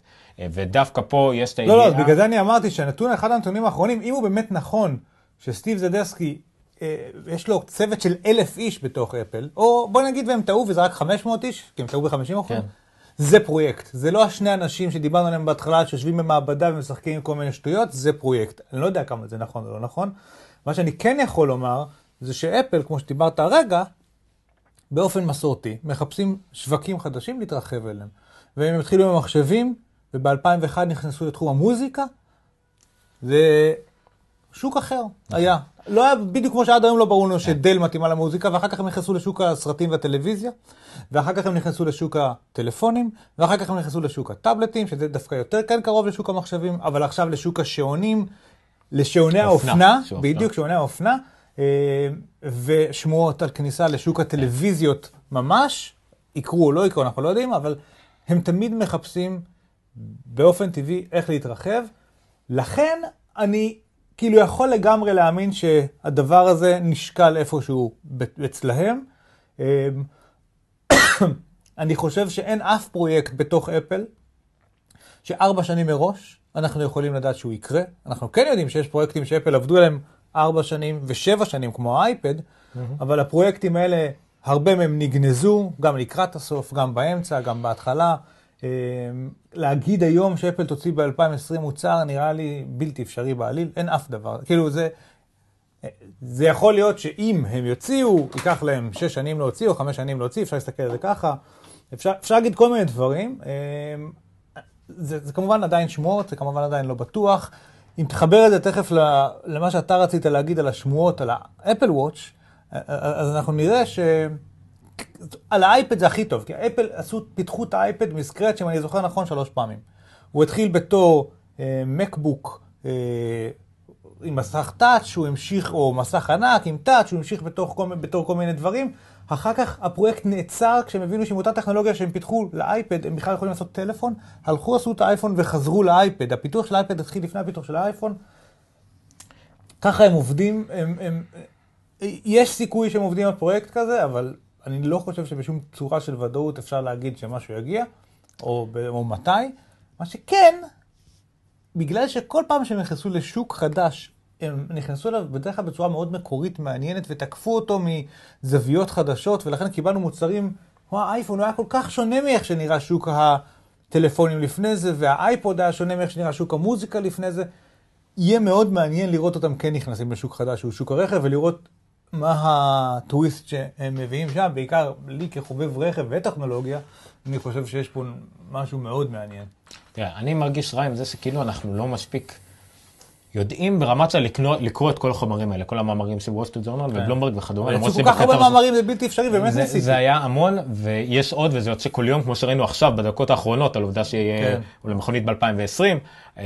יש גם את אה, פילים דה וויט, שהיה... אה, דרך אגב, לא הייתה עוד אה. שמועה אה, על זה שחברה שמייצרת סוללות, A123, כן, יש לי את הידיעה הזאת, אנחנו נגיע אוקיי. אליה עוד שנייה. אז יש את אה, זן לואי גשה, סליחה, שהיה שם מנכ"ל של אפל פעם, היה מנכ"ל אפל באירופה, צרפת ואז באירופה ואז סמנכ"ל. אמ, הוא, הוא סקפטי יותר, בעיקר בגלל שהמכוניות, ודיברנו על זה ואני אמרתי את זה כמה פעמים, סמארטפונים זה שוק שלא יהיה כדבר הזה בעולם. זה כל כך ייחודי, כל כך סינגולרי, הוא מראה פה טבלה של מכירה בווליומים, כמה זה קיצוני. אוקיי, יש לך סמארטפונים, מובייל פונס, מובייל פונס, תראה את הכמות השחורה, עמודה כן. מימין שרואה עמודה שחורה, כמעט פי שתיים מכמות הסמארטפונים. זאת אומרת, אם השאיפה היא שלא יהיה יותר מובייל פונס רגילים, אלא רק סמארטפונים, אז אנחנו, השוק כולו יכול לגדול עוד פי שתיים. כן. אוקיי? בוואצ'ז גם כן, זה שוק ענק עם אה, כמה, יותר ממיליארד, ושוק השעוני יוקרה הוא פחות, שוק אופנה הוא פחות, סמארטוואצ'ים עוד פחות, אפל עוד יש לה, אבל לאן כן. להגיע, אם הם רוצים. מבחינת מכוניות, כל המכוניות בעולם, מה זה העמודה הקטנה, קטנה, קטנה הזאת למטה? ודיברנו על כמה אפל שולטת על מצלמות ועל קונסולות, כן. זה עוד יותר קטן, אבל אין מספיק מכוניות בעולם, מבחינת גלגול של מכירות בשנה, כדי שזה יהיה עוד סמארטפון. וזה תמיד מה שמפחיד אותי, אותו דבר לגבי השעון. אבל אולי תיכנס לזה. אני עדיין לא חושב שתעשה מכונית מאלף עד תו. יש לי עוד היא, בעיה. היא, תיקח, היא תיקח משהו כמו טסלה, אולי היא לא יודע, היא כנראה לא תקנה אותם יותר, אבל אולי משהו אחר, ותיצור את כל המכלולים כולם חוץ מהייצור בפועל, אולי. אבל זה לא יהיה אייפון, זה לא יהיה משהו קרוב לזה אפילו. זה כן יכול להיות, אבל משהו כמו סמארטוצים, עם איזה מרג'ין מטורף של אה, 10,000 דולר רווח על כל מכונית. יש לי עוד בעיה עם התיאוריה של מכונית אוטונומית של אפל, והיא זה- ממש מתחום הרכב. זה, זה, הכי, זה הכי פחות מבושש מבין כולם, כן? זה היה לגמרי רק אני, אני חושב שאם שמועות. נכנסים, נכנסים לשם. כי השוק הולך לשם. anyway. אה, אני חושב 80 אחוז אוטונומית. לא, יהיה הגה, יהיה דוושות, יהיה אפשר לעשות הכל, אבל כמעט כל השאר יהיה אוטומטי. אז מה שאני, אז מה שאני חושב זה שאם אתה שואל על מגמות בשוק הרכב, באופן כללי, וזה קצת, אנחנו סוטים פה מהנושא שלנו, שוק הרכב הולך למקום שבו אה, ה- האנשים הם כבר, זה, זה, זה מגמה איטית והיא בהתחלה, אבל שאנשים הם לא כל כך רוצים מכונית כמוצר פרטי שלהם. בידיעה, קודם כל רואים שבארצות הברית לפחות יש ירידה דרסטית בכמות הנערים שבכלל רוצ, הולכים להוציא רישיון נהיגה. יש עלייה בשימוש באופניים ותחבורה ציבורית, יש עלייה בשימוש של Uber, GetTaxi ושירותים כאלה, אה, ויש עלייה בשימוש של אה, Zipcar ושירותים שבהם הרכב הוא לא שלך. אתה כן נוהג, יש לך רישיון, אבל אתה לא האונר של הרכב. ואחד מהדברים שמדברים עליהם בצורה מאוד חזקה בעולם הרכב, זה שהמגמות האלה הולכות להתאחד. זאת אומרת, אתה תקבל שירות שבו, כמו באובר, אתה תזמין, נגיד, מונית, אה, יהיה, יהיו ציים של, כמו בזיפקר, רכבים ששייכים לחברה, הם לא שייכים לבן אדם, וכמו במכוניות אוטונומיות, יגיע אליך אוטו, יק- ייקח אותך מהבית ויסיע אותך לאיזשהו מקום, כאילו לשם השוק הולך, ככל הנראה הרבה חשמליות או fuel cells, כאילו זה הכיוון שאליו השוק הולך. ובקיצור, זה לא כל כך consumer product המקום שאליו שוק הרכב הולך, והיא מגמה מאוד, מאוד חזקה. זאת אומרת, Uber היא תופעה שאי אפשר להתעלם ממנה, GetTaxi בישראל תופעה שאי אפשר להתעלם ממנה. כמות האנשים איתי, אצלי בעבודה, שהיום מגיעים בלי רכב לעבודה, היא מטורפת, כולל אנשים שמגיעים ממעלות ואנחנו עובדים ברמת גן, שמגיעים ברכבת, כולל אנשים שכמובן מכל אזור תל אביב, אנחנו מגיעים לרמת גן. אה, אגב, אני מגיע עם רכב רק כי הרכבת אה, היא, היא בעייתית לי, אבל הייתי מת להגיע ברכבת. זאת אומרת, אם היה מספיק חנייה והשירות היה מספיק טוב, ברור שהייתי לוקח רכבת. למה שאני, למה שאני אחזיק אוטו? וכשזאת המגמה ששוק הרכב הולך אליו, אז שוב פעם, או שלאפל יש טוויסט נורא מעניין, שנותן פה איזשהו מענה נורא טוב לרכב, ש- ש- שעונה בדיוק הצרכים שלי, האלה, ש- או הצרכים שאליהם העולם הולך, ואז באמת הם יוכלו להראות שוב פעם, אוקיי, התעשייה הנוכחית היא אה, מסורבלת, הם- זה מה שקרה בשוק המוזיקה, וזה מה שקרה בשוק הטלפונים. הם היו מאוד שמרנים ו- ו- והיו והיו בתוך, איך קוראים לזה, נו? ש- שאתה נמצא בתוך איזה mindset מסוים, ופתאום בא מישהו ומסתכל על זה בצורה אחרת לגמרי על כל השוק, ועל כל. הבעיות, ועל כל... בדיוק. אני לא יודע אם זה disruption, אבל, אבל כאילו, רק אם יש להם משהו כזה, שהוא באמת פתרון ייחודי לבעיה שחברות הרכב בכלל לא הולכות אליו, בכיוון הזה, אז יש הצדקה לדבר הזה, וגם אז זה יצטרך להיות פתרון ששומר על הרכב כמוצר קונסיומר, כי אחרת לדעתי, לאפל אין שום אינטרס בלהיכנס לשוק שבו היא מוכרת לציי רכב, או לחברות, שמח... או לזיפקרים כאלה, שמחזיקות 30 מכוניות או 3,000 מכוניות, נראה לי זה בכלל לא השוק שלה. אמ, אבל שוב, יכול להיות שהם יפתיעו והם ילכו, אתה יודע, יש, יש מקומות שא', עם IBM הם נכנסים ל enterprise ונכנסים חזק, Apple Pay הוא פתרון אה, תשתיתי, אה, והם עובדים שם הרבה עם, עם, עם חברות האשראי וחברות בנקים וכאלה. זאת אומרת, יכול להיות שגם כאן בכל זאת עוברים על, בכל זאת הרעיון שלהם הוא איזשהו רעיון תשתיתי, אבל לדעתי שוב, אם... הם, הם כנראה, או שיש להם רעיון ממש טוב לפתור בעיה בצורה אחרת ממה שהתעשייה הולכת אליה, או שהם לא נכנסים. הם לא... לייצר סתם מכונית חשמלית שהיא כמו טסלה אבל מגניבה יותר, אני ממש לא חושב ש... שמצדיק את זה שאפל ייכנסו לשוק הזה. אה, מה שאנחנו רואים מאחורינו, מי שרואה, זה רשימת הפיצ'רים שתהיה לאפל קאר הבאה, כנראה כפי שהודלף ל-The Onion, אתר רציני לפ- לפחות כמו הידיעות על אה, טים קוק בארץ. The Onion הוא, אני כן רוצה לומר למי שלא מכיר, הוא אתר אה, ציני? לא, לא ציני, איך קוראים לזה? יש לזה שם, אתר... אה, סאטירי. קומי, סאטירי, סאטירי, כן. אה, אה, לא, לא, אפילו פחות סאטירי, יותר פרודי. אבל אה, אין לו, לא, הוא לא בא, הרבה פעמים הוא לא בא להגיד שום דבר מיוחד, רק לצחוק על עצמו. אה, אז כן, אז אה, השמשה הקדמית של ה Apple Car תציג פי 4 פיקסלים מהעולם האמיתי, מהמציאות. יהיה אינטגרציה מלאה עם דלק אפל. מה עוד יהיה פה? אה, אהבתי. Compatible with most major roads. זה מתאים לרוב הכבישים. לא כולם, רובם. הוא ימליץ לך על המהירויות בהתאם להעדפות שלך, יהיה אה, כריות אוויר שלא יפריעו, non-intrusive airbags, אה, אומרים שהנהג יצטרך להיכנס ל-iCloud לפני כל כן. העברת הילוך. נכון? אה, הזכוכית הקדמית אבל תשבר, בקל, תשבר בקלות, אבל עדיין יהיה אפשר לנהוג. sleek airbags, כן, כן, cup holder יהיה? כן. אותו. אה, הרסת לי את הפאנצליין, אבל בסדר. אה, אוקיי, סליחה. המחיר יהיה 85 אלף דולר או 199 דולר עם חוזה עם Verizon. ואהבתי. כשאתה בעמידה, אז הגלגלים ימשיכו להסתובב, אבל בגלגל צבעוני. אה, ואנחנו נצטרך לחזור את כל מה שאמרנו, כי עדיין הסאונד לא עבד בגלל טעות שלי. מה? עכשיו? כן. לא, עכשיו. כי ניסיתי להשתיק, שהם לא ישמעו אותנו מתברברים סתם, אחרי שהחלפנו כבר סוללות. ולמה החלפנו סוללות? כי אנחנו משתמשים בנקמייקים, ומה הבעיה עם נקמייקים? שהם עובדים על סוללות. סול- יפה, ומה קורה לסוללות? הן נגמרות. בדיוק בזמן שאתה לא רוצה אותן. היה לנו דיון שלם על זה עכשיו. מה שיפה, שנכון, היוטיוב שלנו לא כל כך אה, טוב לקהילת החרשים. נכון. נכון שהם יכולים רק, אה, העיוורים, סליחה, שיכולים לראות אותנו. לעומת זאת, החרשים, נורא נהנו מהתוכנית שלנו. נכון. לפחות בדקות האחרונות שבהם עוד פעם דיברנו אה, ברצינות הפעם, בלי שידעו שאנחנו מחוברים. כן, אז זה ארבע קורה. וחצי שעות התארגנות ועדיין לנו תקלות טכניות. טוב. לא, הסוללות זה סוללות, התקלה האחרונה בגינה לא שמעו אותנו, הייתה קשורה אליי, כי ניסיתי להשתיק כדי שלא ישמעו אותנו, אבל עכשיו שומעים אותנו בוודאות. אז כן, יש פה מיקסר שמקבל את הנקמקים, הוא מתחבר למחשב ועוד ועוד ועוד ועוד, אז קצת פה זה לא ממש מיקרופון וזהו, אלא קצת יותר מורכב מזה כדי שיהיה קצת יותר איכותי, אני מקווים שבאמת היה יותר איכותי עד שלא שמעתם כלום, אז יפה, זה בינארי, כן. או שזה איכותי או זה נכון. כלום. אז היה כלום. אנחנו אנשים טוטאליים, הכל או כלום. אין... אה, זהו.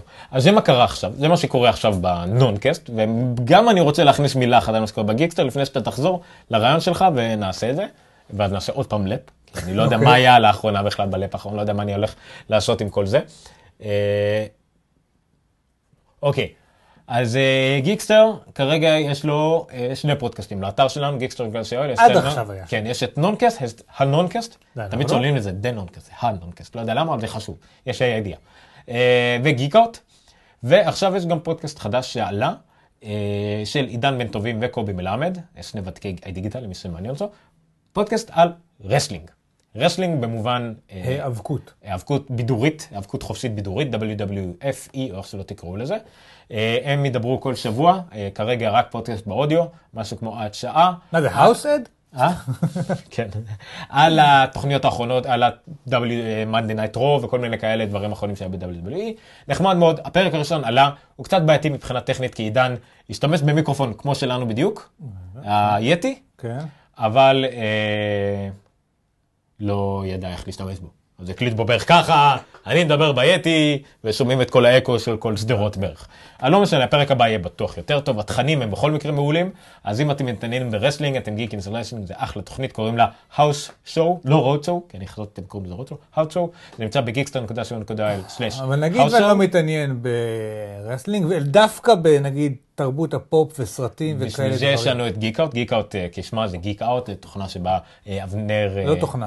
תוכנית. תוכנית. כן. בה, אה, אבנר וינאי הם מתעסקים בכל מיני חדשות אה, הגיק של השבוע, לא, רק אבנר וינאי. כן? וואלה.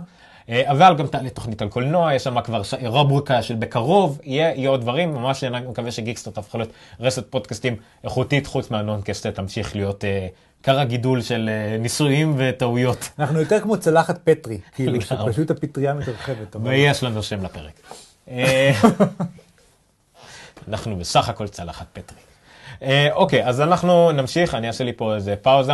אני מצטער שאני לא יכול אה, ממש אה, לערוך את זה אחר כך, אז מי שרואה אותנו ביוטיוב, אני מקווה שדילגתם על כל הקטע, אולי אני אכניס איזה לינק טוב, קצר. טוב, טוב, תהיה שקט, בוא נתקדם. אבל בואו נתקדם, בואו נתחיל.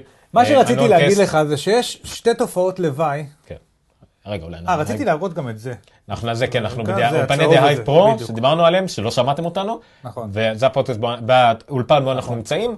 אה, התקלות לא קשורות אליו. מה שטוב אבל- בפודקאסט מבחינת האיכות זה בזכותם, נגיד התמונה נקייה, הסאונד הטוב ודברים כאלה. מה שכרגע לא טוב, התקלות שהיו לנו, זה בגללנו, וזה באמת ככה. שאלוהים יעזור לי. מה קרה פה? אה, אנחנו שומעים את ה... התחיל לחזור הסאונד מפעם קודמת. אוי, אנחנו כאלה נוראים. אנחנו טוב, בוא נעשה- מאוד, תראו, אנחנו אנשים מאוד מוכשרים בנושא של, אה, אנחנו מבינים בטכנולוגיה, אנחנו יודעים לדבר טוב והכל. כל הנושא של ההפקה, אם. רק היה לנו מישהו שלמד במסלול הפקה ולהקליט ולצלם דברים במשך שבע שנים, אבל אין לנו. נכון, או מהנדס אלקטרוניקה שמבין בכל הדברים האלה, אבל אין לנו. אה, אז בואו נעשה איזה פאוזה קצרה כדי שיהיה לנו מאיפה לחתוך, במיוחד באודיו, ואנחנו... אה, חוזרים מיד למכונית של אפל. אוקיי, אז דיברנו על אה, מה The Onion אה, שיער שיהיו ה- התכונות של האפל קאר החדשה, דיברנו על זה, על אה, כל האפשרויות שיהיו, אבל אה, זה עדיין דיון תיאורטי עם המון המון אה, עשן, בלי עדיין אש, אבל יש מקום להמשיך את הדיון הזה בגלל. אז אני רוצה לדבר על שתי תופעות לוואי לדעתי, שהולכות לצאת מפרויקט המכונית של אפל, בין אם באמת תקרה ובין אם לא. הראשונה, שזה משהו שאתה התרכזת בו קודם, אבל אנחנו נדבר עליו עכשיו יחדיו, עומר, היא... כן. אני יודע. דיברנו. על- התביעה של ה-A1 to 3 או לא? אני לא זוכר אם זה היה בשקף לא, או זהו, כל הסוללות, זה, זה שתי התופעות שאני הולך לדבר עליהן. אה, הסוללות, תדבר- על התופעות. ואחר כך הזה. אז נתחיל מהסוללות. אני בוכה. סיימת? כן. יופי. אז uh, הדבר הראשון הוא שאנחנו רואים המון המון פעילות סביב כל מה שקשור לסוללות. טסלה היא חברה שעושה מכוניות חשמליות. Uh, בנוסף לזה, אני, לא- איך עשית את זה קודם? זה זרם לך טוב קודם, כל נושא הסוללות. לא זוכר. אתם זוכרים שנגמרו לנו הסוללות? זה, כן, ובגלל זה עכשיו נקטע לנו השידור. זו בדיוק אחת הבעיות הכי קשות בכל עולם הטכנולוגיה כולו.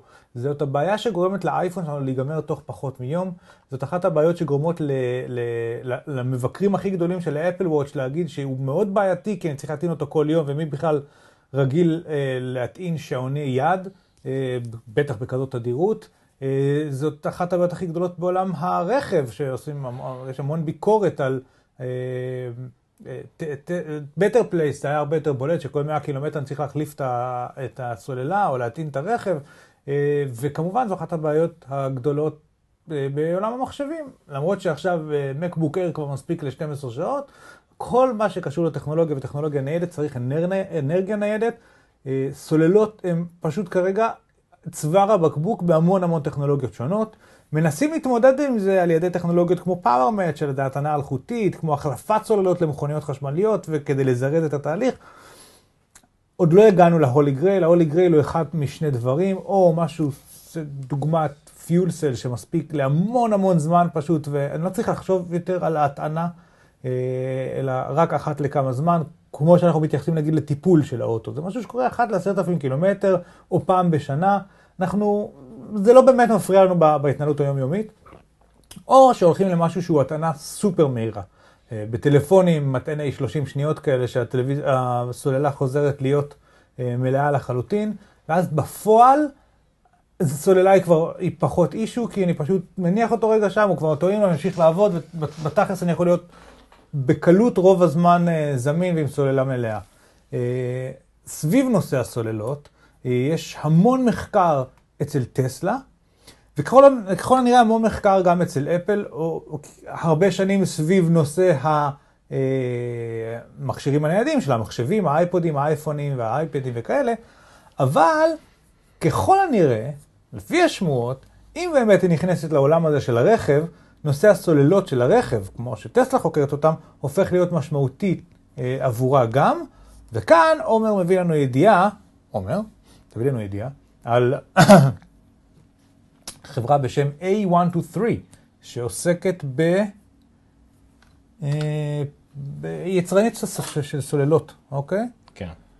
אה, ומה היא אומרת בעצם על אפל? הם טוענים שאפל אה, לקחה מהם עובדים, השיקה מהם עובדים באמצעות, אה, גנבה אותם מה שנקרא, אה, כדי להתעשק ב-large scale battery division. זאת אומרת, ממש כאילו לא רק מחלקה שעובדת על פיתוחים עתידיים, אלא ממש יישום בפועל של מחקרים ושל ייצור סוללות. A123 הייתה חלוצה בהרבה תחומים שקשורים ל-fuel cells, לתאי דלק ודברים כאלה. והיא לקחה מהם עד כדי כך שהם נאלצו להודיע על פשיטת רגל ב-2012 ולסגור מחלקות שלמות. ואפל, אה, והם חוששים שאפל לא רק לקחה עובדים, אלא גם בעצם לקחה איתם את הסודות. IP, כן, כן. בדיוק את הסודות, וזה קצת אה, יותר אה, מלחיץ אותם. ויש, זה בעצם אומר שיש תביעה בפועל, יש כאילו, ואם יש תביעה אז יהיו מסמכים ויש משפטים ויש שמות. בנוסף למה שדיברנו מקודם על השמות ש, שדלפו. אני לא יודע אם. ה-large scale battery division, ה-large scale מתייחס לבטרי או לדיוויז'ן. כי large scale battery אומר בטריות גדולות, שהן ככל הנראה בטריות באמת לרכב או דברים כאלה. large scale division אומר הרבה מחקר או מחלקה גדולה שעוסקת בנושא ה... אה, כן, זה כנראה, כן, לפי האתר שלהם, זה אוטובוסים, משאיות וכאלה, זה כנראה בטריות גדולות, מה שמחזק את ההשערה שמדובר על סוללות לעולם הרכב, אוקיי, זה באמת, הנה, עוד קצת עשן סביב האש. אה, למרות שהסוללות הם, הם בעיה גם במכשירים הניידים, הגאדג'טים וכאלה, וגם בעולם הרכב, כנראה שהשמועה הזאת יותר קשורה לעולם הרכב, אם כי יכול להיות שפתרון שאם קיים בעולם אחד, יוכל להשפיע ולעזור לעולם השני. אז הנושא הזה של סוללות, אה, גם מחזק כמובן את זה שאפל, אה, אבל אם, אם יהיה רכב, הוא יהיה רכב חשמלי, אבל אני חושב שבהתחשב בכל הסטייטמנטים הירוקים של אפל, לא היה ספק בנושא. אני לא חושב שהם היו הולכים anyway לייצר... אה, כן, הדיון הוא. יותר, הדיון הוא יותר על אוטונומוס או לא אוטונומוס, ו- בדיוק. ודברים כאלה. חשמלי לא... זה כנראה בטוח יהיה, עכשיו השאלה אם הוא יהיה אה, עצמאי או לא עצמאי. מה אני רציתי לומר? אה, שאפטר שוק, כש, כשיש, זה, אוקיי, זו השפעה אחת, כל נושא הסוללות וכן מה קורה עם זה, ולא, בכל מקרה אפל כנראה יש לה איזשהו מחקר בעולם הזה, שיכול, גם אם לא תעשה רכב, יכול להשפיע על התחומים האחרים שבהם משתמשים בסוללות באפל, כך שהמחקר מבורך. הוא קורה גם בטסלה ובעוד חברות, סבבה, זה השפעה אחת של כל פרויקט הרכב הזה, קורה או לא קורה. השפעה נוספת, גם אם לא יקרה פרויקט הרכב באפל, היא מה קורה כשיש שמועות על זה שאפל הולכת להיכנס לשוק חדש. אני, לפני, ש, לפני שאפל נכנסה לשוק האייפון, היו הרבה אה, אה, שמועות, לפני שהשיקה את האייפון, סליחה, היו הרבה שמועות על זה שאפל הולכת להשיק מכשיר, מכשיר סלולרי ולהיכנס לשוק ה... אה, הסלולר, אותו דבר בעצם להגיד. אה, אה, אה, ב- ב- אם, אם הולכים לחפש היום mockup ים של איך ייראה האייפון או הטלפון שאפל הולכת להוציא, הדמיון, ש, או, מה שהצליחו לדמיין, אה, יוצרי ה-mockup ים, תמיד היה איזשהו שילוב של אייפוד, שזה מה שהיה אה, לפ, לפני זה, ומה שהיה לאפל לפני זה, והיה הצלחה שלה, ושל טלפון כמו שהוא נראה לפני האייפון, ולכן תמיד דובר על איזשהו סוג של נוקיה עם click wheel כזה, עם הגלגל המסתובב, או סוג של אה, אייפוד עם דייל פד, משהו כזה. כשאפל השיקו באמת את הטלפון, אה, רגע, שנייה, נעזוב את זה. מה שקרה בכל מקרה זה שברגע שהתחילו שמועות על זה שאפל הולכת להשיק אה, טלפון, סביבה אה, התחילו לדמיין איך ייראה הטלפון הזה, והרבה הרבה חברות התחילו כבר לעבוד על טלפון בעצמן. באותה צורה שכשהם היו שמועות על זה שהם הולכים להשיק טאבלט, הרבה לפני שאפל בכלל השיקה טאבלט, יצאו הרבה טאבלטים של מתחרות אחרות לשוק, וכשאפל הכריזה על זה שהיא הולכת לעשות שעון, הרבה לפני, או שלפ- עוד לפני שהכריזה, כשהיו את השמועות שאפל הולכת לעשות שעון, שוק ה-wearables או השעוני, השעונים החכמים התעורר מאוד לחיים, וכן הלאה וכן הלאה. השמועות האלה, די בהן, השמועות שאפל הולכת להיכנס לשוק חדש או להוציא מוצר חדש, די בהן כדי לעורר שווקים שלמים. וגם אם אפל בסוף לא תוציא רכב, אבל רק ימשיכו להיות שמועות שכן, אני מניח שהרבה חברות מתחרות, לא יודע אפילו באיזה שוק, כן, זה יכול להיות חברות רכב או חברות טכנולוגיה או כאלה, כן ינסו לדמיין את מה אפל הולכת לעשות ואולי להוציא מוצר כזה בעצמם, או מוצרים מעניינים אחרים בעצמם, וזה טוב שנכנסת איזושהי רוח חדשה בעיניי לעולם הרכב. אמ, עוד אנקדוטה בהמשך לזה, שנגזרת מהפודקאסט שנמליץ עליו בסוף, זה הנושא שבו, של, של ההשקה של האייפון, שבעיניי הייתה פשוט אנקדוטה מרתקת, שכשסטיב ג'ובס הכריז על האייפון, בהכרזה המפורסמת, זה לא קשור כבר לרכב, אוקיי, זה קשור לאייפון, אה, הוא הכריז אה, שתאורטית אנחנו השקנו בעבר כמה מוצרים פורצי דרך ששינו את העולם, היום אנחנו מוצרים, מציגים שלושה מוצרים כאלה בבת אחת. ואז הוא דיבר על אייפוד טאץ' עם מסך, אייפוד עם מסך touch על כל שטח המכשיר, והקהל הריע והשתולל כי הם ציפו, שוב פעם כאמור, לטלפון משולב עם אייפוד, uh, והמכשיר השני שהוא הכריז עליו, זה אנחנו נכנסים, משיקים היום גם טלפון סלולרי, uh, והקהל עוד יותר השתגע והתלהב כי הם ציפו לזה. ואז הוא אמר שמשיקים גם אינטרנט קונקטור, ואז התגובות של הקהל היו מעין מחיאות כפיים חלשות ומבולבלות כאלה, כי לזה הם לא ציפו והם לא כל כך הבינו מה קורה. הם ציפו לאייפוד משולב עם טלפון. והעניין הוא שהמהפכה האמיתית שהביאה האייפון לא היה האייפוד, כי כבר היה לנו מוזיקה בכיס, וגם לא היה טלפון, כי כבר היה לנו טלפון בכיס, וגם השילוב שלהם לא היה כזה דרמטי, כי כבר היו טלפונים ששילבו אה, אה, נגני מוזיקה בתוכם. המהפכה האמיתית שאפל הביאה עם האייפון הייתה בדיוק הדבר הזה שאף אחד לא הבין אותו ולא ציפה לו, וזה היה הנושא של אה, ה-internet communicator, העובדה שיש לנו את כל האינטרנט בכיס, כל עולם האפליקציות, כל הפייסבוק, ה-mobile וזה, כל התעשייה שהתפתחה סביב האייפון והאפליקציות והאנדרואיד וכאלה, זאת הייתה מהפכה אמיתית, וזאת הגישה שאפל נכנסת לשווקים חדשים, היא באמת, היא, שוב, היא מנסה לתקוף את המדרכים האחרות, אני בעיניי, אם הם יעשו את אותו דבר בשוק הרכב, ייכנסו, ייכנסו לשוק הזה מהזווית המיוחדת שלהם כדי לפתור בעיה ש... כאילו התעשייה השמרנית לא מסוגלת לפתור, או לא רואה, או לא הולכת לשם, והם יביאו את הפתרון שלהם, לדעתי זה יהיה מעניין מאוד, אני אשמח לראות את זה. אמ, אבל בכל מקרה, אני חושב שהשמועות בפני עצמם כבר הולכות לעשות איזשהו זעזוע, או איזשהו אה, שינוי, או איזושהי התעוררות בשוק הרכב, אני לא יודע אם זה הרכב החכם, הרכב החשמלי, או באופן כללי, אבל לדעתי הרבה חברות ינסו לדמיין מה, מה אפל הולכת לעשות, וינסו להגיב לפני שאפל תעשה את זה. בין אם תעשה את זה ובין אם לא. זהו. אתה יודע שלא, סתם. כן, אני לא מקליט את זה עכשיו, אני נוגח בך. אה, אוקיי. זה מסכם את עניין הרכב, סוף סוף. ואנחנו נעשה את זה. כל עניין הרכב, כן, בעולם. עכשיו, מה שאנחנו אה, אמרנו, וכשלא שמעתם אותנו, זה כל מה שקשור, כל מה שקשור לשעון, די התחמקנו ממנו. נכון. לפעמים בטעות, לפעמים בכוונה, כשהיה לנו הרבה דברים אחרים לדבר עליהם, דחינו את זה מפרק לפרק. אה, וגם עכשיו די נדחה את זה, זאת אומרת, אין הרבה מה לדבר, פשוט היו המון שמועות אה, שליליות, החל מזה שידענו שבאפריל, שטים קוק אמר שבאפריל יצא השעון, פתאום התחילו להיות מין אה, מה שנקרא אה, אה, זילות השם או זלזול באפל וואטס בכל מקרה. מה זה אומר? זה אומר ש... כולם... דבר, דבר, לא, אני אצליח ככה. אתה יכול, מה אתה עושה? מה? השש לא עובד, נו. לא, השש לא עובד טוב. אתה עושה שמונה. אתה עושה שמונה. שמונה לא טוב, כי אני בלפ בכלל. אה, שום דבר אפשר להשתמש לפייסבוק, שום דבר. אוקיי. אה, עוד פעם, אני בזום רצחני פה, מה זה? יאללה, גם ככה נעשה את זה תוך כדי, אז נעשה ככה. נעשה ככה, הופה, זהו. הרבה יותר טוב. אוקיי. ככה זה שהאורחים, השדרים, אורחי התוכן, והסאונד, והסאונד הם אותו בן אדם. כן.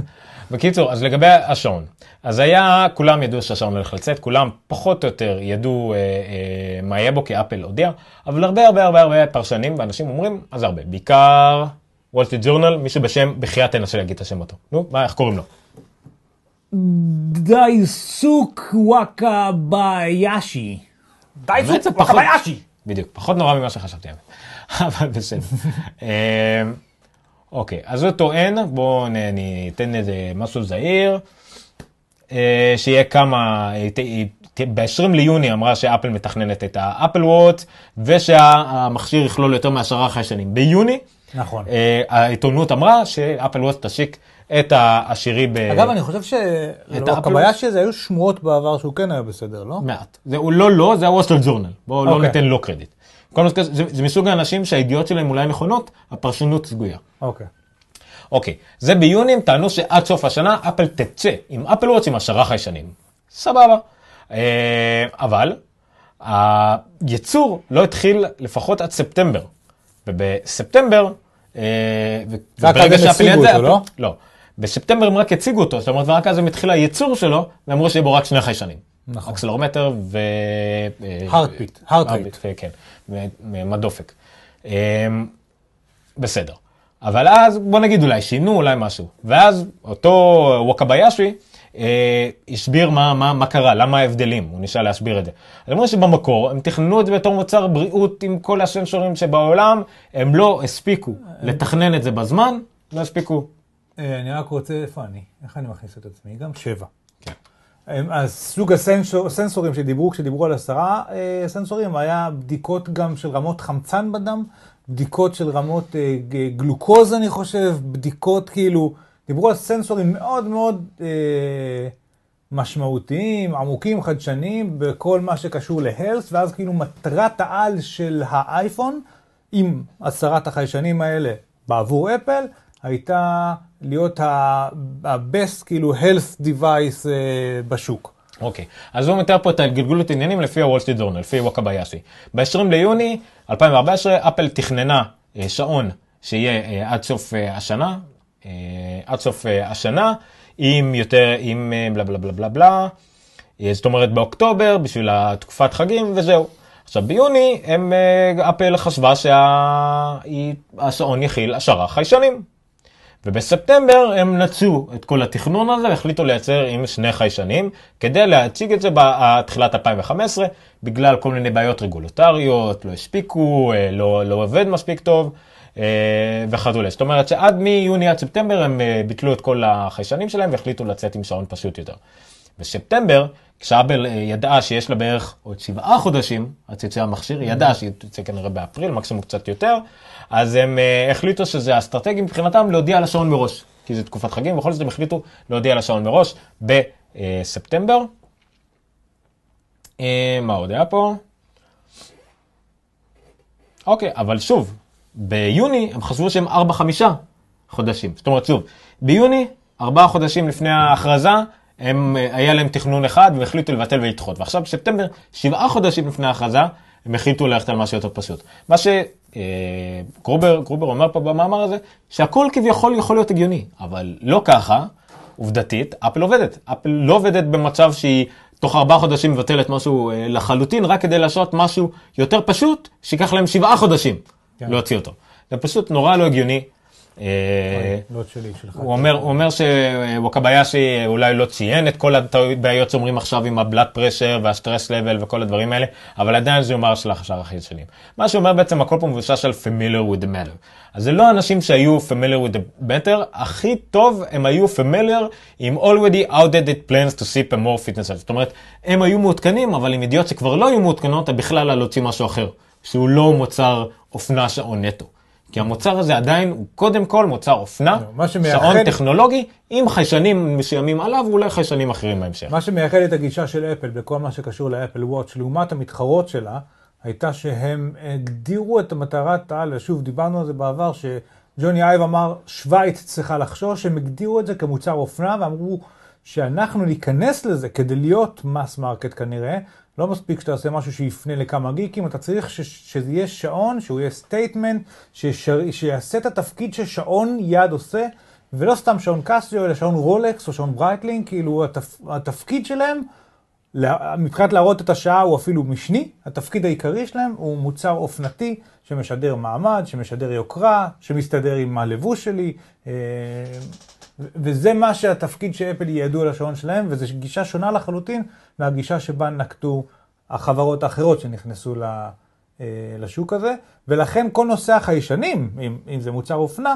הוא דווקא נושא משני ולא עיקרי. זאת אומרת, אם הגישה בעשרה, בעשרה חיישנים הייתה שהוא, שהתפקיד או המטרה או הבעיה שהוא בא לפתור הולכת להיות אה, מוצר ההלס המוביל, אז באופן טבעי, אם אתה הולך על מוצר האופנה המוביל, החיישנים הם פחות... אה, זה לא מוצר האופנה המוביל, זה מוצר שהוא הוא, הוא, הוא נכנס דרך עולם האופנה או בא לכיוון האופנה, אז החיישנים הם משניים, הם לא עיקריים.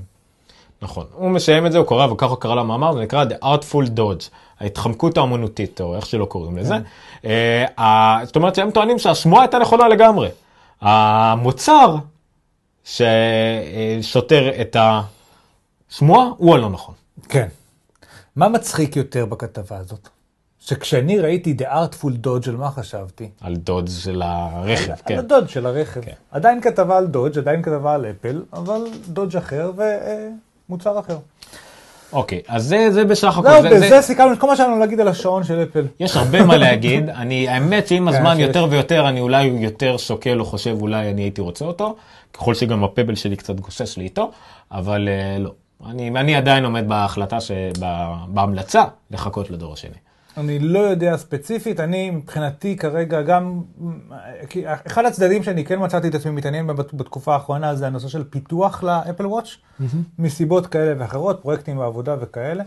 אה, יש את הסרטון שדיברנו עליו אז, שאני כבר לא זוכר מי הציג אותו, שהוא עשה את ה-to-do list up על השעון, רק כדי בעיקר לבחון את המגבלות שלו. אה, עכשיו הייתה פה עוד כתבה שאתה שמת, ואני לא יודע אם אה, קישרנו אליה, של הנוטיפיקציות, מה ההשפעה של נוטיפיקציות בשעון, לעומת נוטיפיקציות בטלפון. אה, כאילו מתבצעת איזושהי חשיבה, אה, בכל אופן אצל בלוגרים ומפתחים, די עמוקה למה יהיה האימפקט של השעון על עולם ה-wearable smartphones או whatever, או כל המכשירים המוביילים האלה לחילופים, כי, כי כנראה שהוא כן הולך להכניס איזשהו שינוי. אה, עכשיו, אני לא יודע, כאילו, יש דברים שכבר קורים בעולם של גוגל לצורך העניין, ואתה יכול ללמוד מהם, וכנראה שיש כמה דברים שיהיו, ש- שבאפל וואץ' יהיו ייחודיים יותר. אני עדיין לא נכנסתי לעומקם של דברים מספיק כדי להבין מהם הדברים היותר מיוחדים, אבל אה, זה מעניין מה שקורה סביבו, ומעניין מה יקרה כש- כאשר הוא יצא ואיך זה ישפיע על חיינו, אם בכלל. אוקיי, אמ, יכול להיות אגב, שכמו שאפל פיי לקח את נושא ה-payments, שגוגל היו פה כבר כמה שנים, והביאו אותו למיינסטרים אמיתי, אה, אז באותה מידה, אפל וואץ', יש wearable של גוגל וכאלה, אבל רק כשזה יהיה mass market מיינסטרים אמיתי, אז יבוא השינוי האמיתי על החיים שלנו, וההשפעה האמיתית תקרה.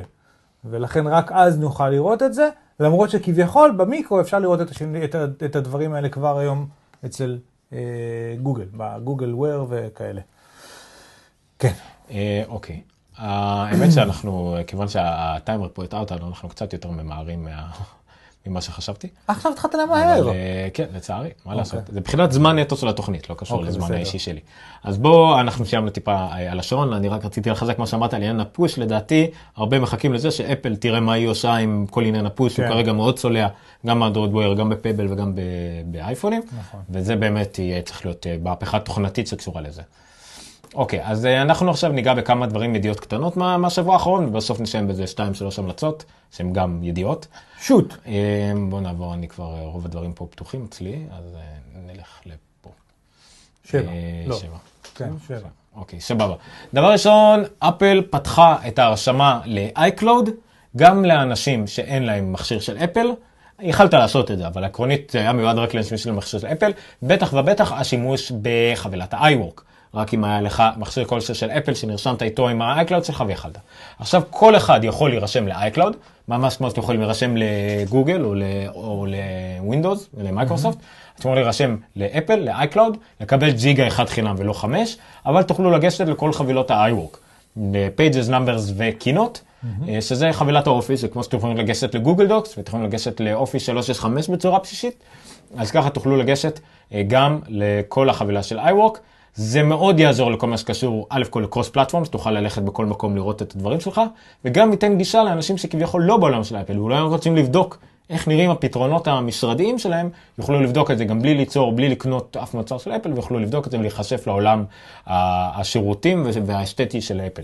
בעיקר האסתטי, השירותים אולי היינו רוצים. פעם, פעם אמרתי שיש לי חלום שהפרופיל שלי או ה-user שלי יישב בענן, אז כשאתה מסתכל על iCloud היום והוא כבר כולל את iWork ואת פוטוס ואת, ואת המיילים ואת ה-contacts, וכאילו הוא הולך וכולל יותר ויותר מהתכנים היומיומיים שאני מתעסק איתם.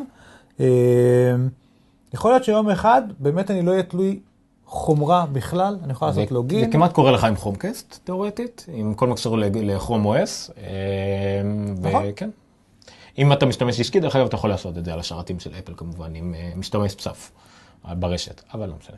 אוקיי, ברשת הפנימית. כן, אבל ידיעה, זה לא הקלאוד, זה מה שאני אומר. רשת פנימית כן. ככה עבדתי בבר אילן, משם בא לי רעיון כשהיינו... זה- ידיעה נוספת, יש היה עדכון לפייסבוק, האמת קצת ישן, אבל עדיין מעניין, במיוחד כי בארץ זה מאוד פופולרי, שאפשרות תהיה לעשות דרך, ה- מי שמכיר, כולם מכירים, אני משער את פשפשוק, שאפשר לעשות למכור יד שנייה בפייסבוק וכדומה. אה, אה, פייסבוק בגדול תכניס אפשרות אה, למכור ישירות מהדף עצמו, דפים שמתעסקים במכירות. אה, אה, זה יותר קבוצה, הפשפשוק, אבל גם דפים, תוכל, תוכלו למכור מוצרים שלהם ישירות מתוך הדף, וגם בקבוצות שמתעסקות במכירת שנייה וכדומה, תוכל ישירות דרך שירות התשלומים של פייסבוק לשלם. ממש להוסיף עוד כפתור, בארצות הברית כמובן משווים את זה לקרייגליסט, בארץ אפשר להשוות את זה ליד 2 וכדומה, גם יד 2 הכניסו את זה, שאתה יכול לשלם ישירות דרך יד 2, עם כרטיס אשראי, וואלה, וכן, ידעתי. המשתמש יכול לשלם לשני באמצעות יד 2 עם כרטיס אשראי, שזה יהיה חדש ויפה. זה חצי המלצה, חצי ידיעה, או שנשאיר את זה להמלצות, מה אתה אומר? שוט, שוט, תתחיל. אוקיי, אה, דיברנו הרבה על שירות שנקרא IFTTT, אה, If This Then That. אה, IFTTT זה היה שירות במיוחד לגיקים, שאפשר לכם לעשות הרבה... סקריפטים. סקריפטים ווורקפלואים שקשורים עם משהו, אז משהו קורה. אם אני... וואי, זה מגיע לרמה היום, אם אני מקבל, אה, אם את אה, מקבל מהתרעת, אה, מהאפליקציית מזג אוויר הזאת, שעכשיו יורד גשם, אז האור בבית ידלק לי. כל מיני דברים שמקשרים, כל מיני... אם שירות- קיבלתי תמונות מסבתא שלי, תעלה את זה ל-iCloud המשפחתי שלנו. אם... בדיוק. המון דברים שקשורים, שיש המון שירותים ואפליקציות שיש להם אה, זרועות החוצה שמאפשרים לאחרים להשתמש בהם. אז ה-FTTT... למרות שסבתא שלי מתה. כן, אה, גם סבתא חיה מתה. אז הם, אה, הם ריכזו את הכל ואפשרו בעצם לקשר בין המון שירותים ואפליקציות, כל פעם הוסיפו דברים. אז עכשיו הם מנסים לעשות את הצעד מעבר לגיקים. והם הוציאו אפליקציות, אפליקציות שנקראות Do. יש Do button, זה מאפשר לך סקריפטים מוכנים מראש וכאלה, אבל בלחיצת כפתור, בלי להתעסק יותר מדי. אה, Do קאמרה, שמאפשר לך לעשות המון דברים עם תמונות, כל הדברים ש-FTT יודעת לעשות, ואותו דבר עם אה, אה, Do Note. אז זה הכניסה שלהם לעולם הזה. זה מאוד יפה, יש לנו לינק פה Stories, שהוא המספר אחד בסיקור הדברים האלה וכל מה שקשור לתהליכים, עם כל מיני, הם קוראים לזה ריסיפס, מתכונים, זה במח... Recipes. רספיס, סליחה. מה זה ריסיפ? ריסיפ זה קבלה. ראשית זה קבלה. רספי. חשבונית. אז זה באמת מאפשר גם לאנשים הפשוטים כביכול, הלוגיקים, הלא מתוחכמים יותר מדי, שלא בא להם להתעסק עד עם היום, עד היום אני לא נכנסתי לעולם הזה, שאתה חי בו הרבה זמן. אה, כן, אבל לא מנצל אותו בכלל. אני עדיין, כאילו, כל מה שניתר לי בהום סינמה שלי, זה להכניס את ההייזל, שה- שה- שההורדות ילכו לפולדר הנכון, כן. וכבר שנתיים שאני לא עושה את זה. אז זהו, אז זה, זה דו אה, של ה-FTTT, זה מאוד נחמד. בנושא דומה, רגע, שנייה, זה, זה בנפרד מה-IFTTT, או שזה עוד פונקציונליות בתוך ה-IFTTT? אתה יכול להוריד את האפליקציות האלה, לעשות לעצמך חשבון שם, בלי שלעולם תיכנס לאתר של ה-FTTT. מה זה אפליקציות? כל אחד מהם זה אפליקציה? כן. יש לי, יש עכשיו הוציאו שלוש אפליקציות כן, בעצם? דו בטן, דו קאמרה ודו נוט. הבנתי. כן. והאפליקציה של ה-FTTT עצמם שינתה את השם שלה ל-if. אז וואלה, כאילו, אוקיי. אז אה, שוב, כל המטרה זה אה, לפשק עליו. do. אוקיי. כן. אמ, מה עוד היה פה? האמת שזה קצת, אה, לא, איפה זה? אוקיי. עוד אפליקציה שמאוד דומה לזה, נקראת Workflow, דיברנו עליה בקצרה, נכון. אני משתמש בה מעט מאוד, רק בדברים מאוד בסיסיים, אבל גם היא מאפשרת, הופכת את האייפון ואת האייפד לממש מחשב שמאפשר לעשות Workflows, תהליכים, סקריפטים מאוד מאוד משוכללים. בלי יותר מדי מאמץ, חלק מהדברים מוכנים מראש, חלק אתם יכולים לכתוב לבד, ממש דברים מורכבים מאוד למי שמכיר Automator במק, או שקר כלשהו בווינדוס, אני לא יודע אם יש כלי כזה פשוט בווינדוס, ממש, ואם מי שרואה פה את התמונה, ממש אה, אוטומטית לקחת לינק וללחוץ על, ב, וזה אפילו שותל לך extensionים באייפון ובא, ובאייפד, זה מאוד נחמד, לקחת לינק, ללחוץ על כפתור אחד, ואז להפוך את זה ל affiliate link, או אוטומטית אה, לשלוח אותו לככה וככה, לעשות איתו את זה. אה, אה, כל מיני דברים שאין אין מובנים כאילו באייפון עצמו, מאפשרים לעשות את זה. אז זה Workflow, יצא גרשה 1.1 עם המון המון המון תוספות. אני כותב לעצמי תזכורת פה, כן. אוקיי, עוד ידיעה, ושוב זה Mac Stories, דרופבוקס, דרופבוקס עדכנו את האפליקציה שלהם, או, זה ברכה. נכון, כן. שהיא מאפשרת עכשיו, דרופבוקס לא נמצאת רק בתור ה extensionים למעלה שאנחנו מכירים, אלא ממש חלק אינטגרלי מהמערכת הפעלה, שזה השורה התחתונה, ממש לקחת תמונה ולעשות לה save בדרופבוקס, open in דרופבוקס, ממש לעשות פעולות ישירות מתוך ה-S8. אה, זה כמעט דה פקטו הופך את דרופבוקס, שיכול להיות ממש אה, כמו מערכת קבצים. של האייפון. זה לא אותו דבר, זה לא iCloud Drive, וזה לא באמת גישה לשום דבר, אבל בהחלט אתם יכולים להשתמש בתיקיית אה, דרופבוקס שלכם כמקור ואחסון לכל הקבצים שאתם יכולים להשתמש בהם בכל תוכנה כמעט באייפון ובאייפד. עדכון מאוד מברך של דרופבוקס, אה, גם בארץ אה, כתבו עליו, נכון? רייצ'ל. גם רייצ'ל וגם בזה. אוקיי, עוד משהו שקשור ל productivi, productivity, האמת שאני לא ניסיתי את זה, אני אנסה את זה מיד אחרי התוכנית, לא באמת, רק אחר כך שיהיה לי זמן. אה, משהו שנקרא Pushbullet. Pushbullet, אפליקציה שעושה פושים, היה כמה כאלה למק שעשו את זה, אבל הם מתו ברגע שאפל הכניסה את ה Continuity, אז היא מנסה להחזיר את זה על ידי דברים ש Continuity לא תומכת בהם, כמו וואטסאפ, כולל לענות משם. כן. זה סוג... דרך אגב, ב Messages כן אפשר לעשות את זה, ב notifications. בוואטסאפ אי אפשר לעשות את זה ב notifications.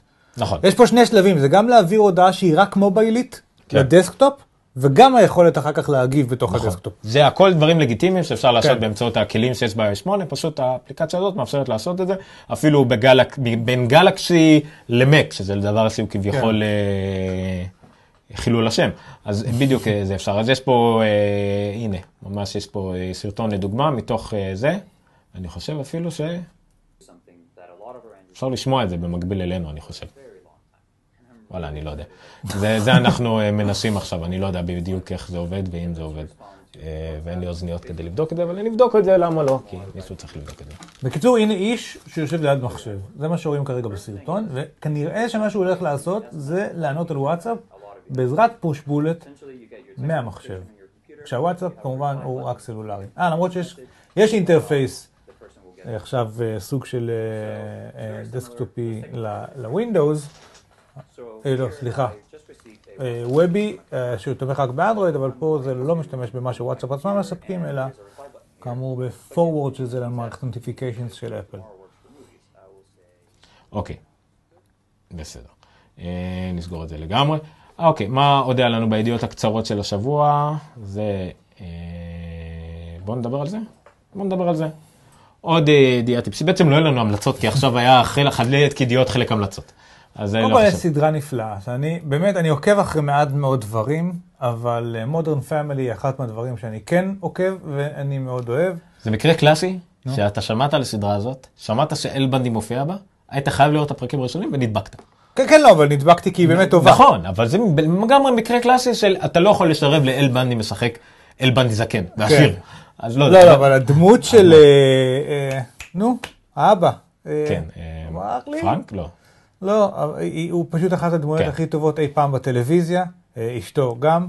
חבובות ראית? באופן כללי, את מה? הסרט החדש של החבובות ראית? אתה חדש לו. לא, הוא משחק שם שוטר צרפתי. קשוח. לא זה כבר אצלך בפלקס? ככל שאני אראה את זה. אה, בקיצור, סדרה נפלאה. אה, תמיד יש שם אה, אה, קריצות לעולם האפל. היה פרק שלם סביב אייפד. ב-2010, ממש בשבוע שהאייפד אמור, או שבוע אחרי שהוא היה אמור לצאת, צילמו אותו, והאבא קיבל את האייפד כן. והתרגש. הרבה סביב אייפד, רואים שם הרבה מקבוקים, רואים שם את האייפונים, זאת אומרת, יש שם איזושהי חיבה פנימית במערכת התוכנית כנראה לאפל, ועכשיו יש הפרק הבא שלהם, או שכבר עלה או, או עולה ב-25, אוטוטו. אה, זה פרק שצולם כולו בעזרת אייפונים, וכן, אייפודים, אייפדים ומקים. אה, הנה, שוטון אייפונס. כן. אבל הוא מוצג דרך כולו פייסטיים ודברים כאלה על המקים ועל הכל. אה, פרק שלם שכולו... מערכת מק מזויפת דרך אגב. כאילו זה לא מק ווסטרן. כן. שמו איזה רקע אחר או משהו, לא, לא יודעים בדיוק למה, אבל כל השאר זה אמיתי. צולם נטו באייפונים. כן. ה show runner של התוכנית, שזה המפיק בפועל, הבן אדם שאחראי לתוכנית, אמר שזה חוויות מהעולם האמיתי שלו, וככה מתקשרים לאחרונה, גם עם האייפד זה שיקף את ההתלהבות הראשונית שלו, ואני שמתי את זה אה, בקבוצה על חיים בסדרות בפייסבוק שאני מנהל. אה, על מה? חיים בסדרות, כאילו על, על אוקיי. סדרות טלוויזיה.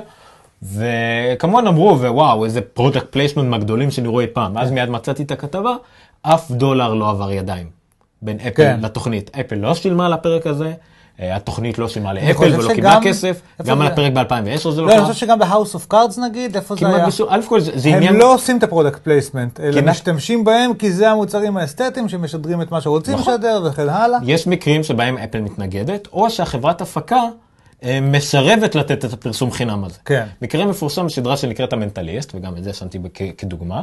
מנטליסט בתקופה בכמה עונות, כל הטובים, כל התחנת משטרה, היו מחשבי ווינדוס.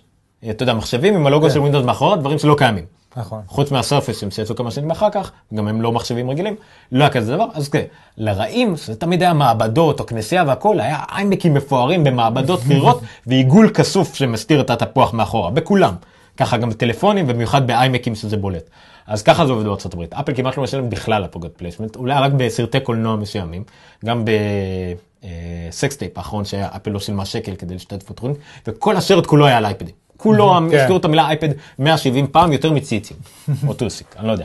אז אה, זה פשוט מרתק, וזה דוגמה נפלאה לטכנולוגיה ביומיום, כי זה גם שימוש של, אתה יודע, כמו שמתלהבים שצילמו סרט באייפון, כן, וכאלה כן, שזה נהיה כן. כבר רגיל, פה זה האייפונים וה FaceTimeים זה חלק אינטגרלי מהעלילה. לא, ואני חושב ש, שזה, זאת אומרת, היום, בעולם שאנחנו חיים בו היום, שיש לי אחות אחת שגרה בקנדה ואחות אחת ב, ב, בהולנד, וההורים שלי גרים ברומניה, אה, הדברים האלה... ארוחות משפחתיות ממש ארוחות מצומצמות. משפחתיות אצלנו בסקייפ, כן. אה, זה כיף. הדלקת נרות, אני לא צוחק איתך, זה שלושה אייפדים אחד ליד השני, וכולם מראים לכולם את הכל. אה, בעולם הזה, סקייפ, וידאו chatting והדברים האלה הם חלק, וואטסאפ אגב, groups, כן. חלק מאוד מאוד דומיננטי מהחיים שלנו, ככה נראים החיים שלנו, אנחנו, זה מאוד, אה, וזה מאוד מצמצם את העולם אגב, כאילו זה, הוא באמת נהיה עולם קטן. נכון. לא, אשתי שואלת אם אני לא חוזר הביתה. אה, אם היית רואה את זה ב live, היית יודעת בדיוק מה אני עושה כרגע. אה, אוקיי, מה עוד היה פה? דיברנו על העניין של הדורבוקס. עוד בוא נזכיר טיפה על... סגור את זה- אלה שדיברת עליהם, ואז אני תדע תכף, אליהם. בסדר. אה, גם כמה כותרות בארץ אמרו שסמסונג הולכת להרוג את אפל. לא, לא, אני אוהב את המילה.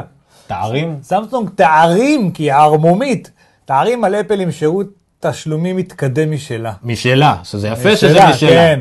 על חברה שהיא קנתה השבוע בערך. בדיוק, היא רוכשת את, את, את לופיי, שהיא מערכת לתשלומים כאלה וזה, ונערכת לשירות השקת תשלומים, ואני חושב ששוב, יש פה קטע מאוד בסיסי שמתפספס ב, ביתרונות של אפל. המקום שבו אפל עושה גם את החומרה וגם את התוכנה, מאפשר לכל מי שיש לו iOS ליהנות מ Apple Pay, או לכל מי שיש לו אייפון בכל אופן ליהנות מ Apple Pay. סמסונג היא רק סמסונג, זה עדיין לא מכסה את HTC, LG, זאת אומרת, הדבר הזה הוא יחסית מצומצם. אה, יש אה, יתרונות ל LoopPay. LoopPay בעצם... לא, דווקא אני מדבר על כן, כן, אני אומר... התפוצה, או ה- כמה נפוץ הדבר הזה יהיה אחרי שסמסונג תרכוש אותה, זה, זה, זה טיפה שונה, כי זה לא אנדרואיד שתומכת בלופיי, זה רק סמסונג שתומכת בלופיי. נכון. עכשיו, אמ, אבל ללופי, היה- טוב, לא יודע אם סמסונג תמשיך את זה, ללופי היה גם, אבל זה גם, אתה- כמו שאנחנו רואים פה בתמונה, היה אה, קייסים וכל מיני אביזרים חדשניים אוקיי. שמחליפים. מה שלופי עושה בעצם, שהיא מחקה את, ה, את הפס המגנטי.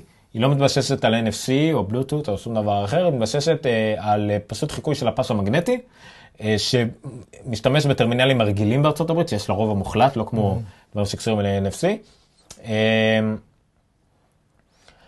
ובעצם מאפשרת אה, להשתמש כאילו בטכנולוגיות הישנות עם כל מיני מניפולציות כדי לעשות את זה. אז אה, אה, שוב, זה עוד מתחרה וזה טוב, וסמסונג לא בוחלת כן. בלחכות דברים. הנה פה סרטון שאולי יסביר לנו איך זה נראה. שלוש דקות. שלוש דקות. תקפוץ, תקפוץ לאחד וחצי. אני קופץ, אז כן. אז יש את כל הדברים האלה, אתה צריך להכניס את הפרטים שלך, לא שונה מכרטיס מה, מהדבר, משהו שאני הזמנתי, אולי מתי שאני גם אקבל, מה, סקוואר? כן? אוקיי. לא סקוויר, אה, קניתי משהו אחר, כרטיס כאילו שנטען, אתה טוען עליו כרטיסים מגנטיים אחרים, אוקיי?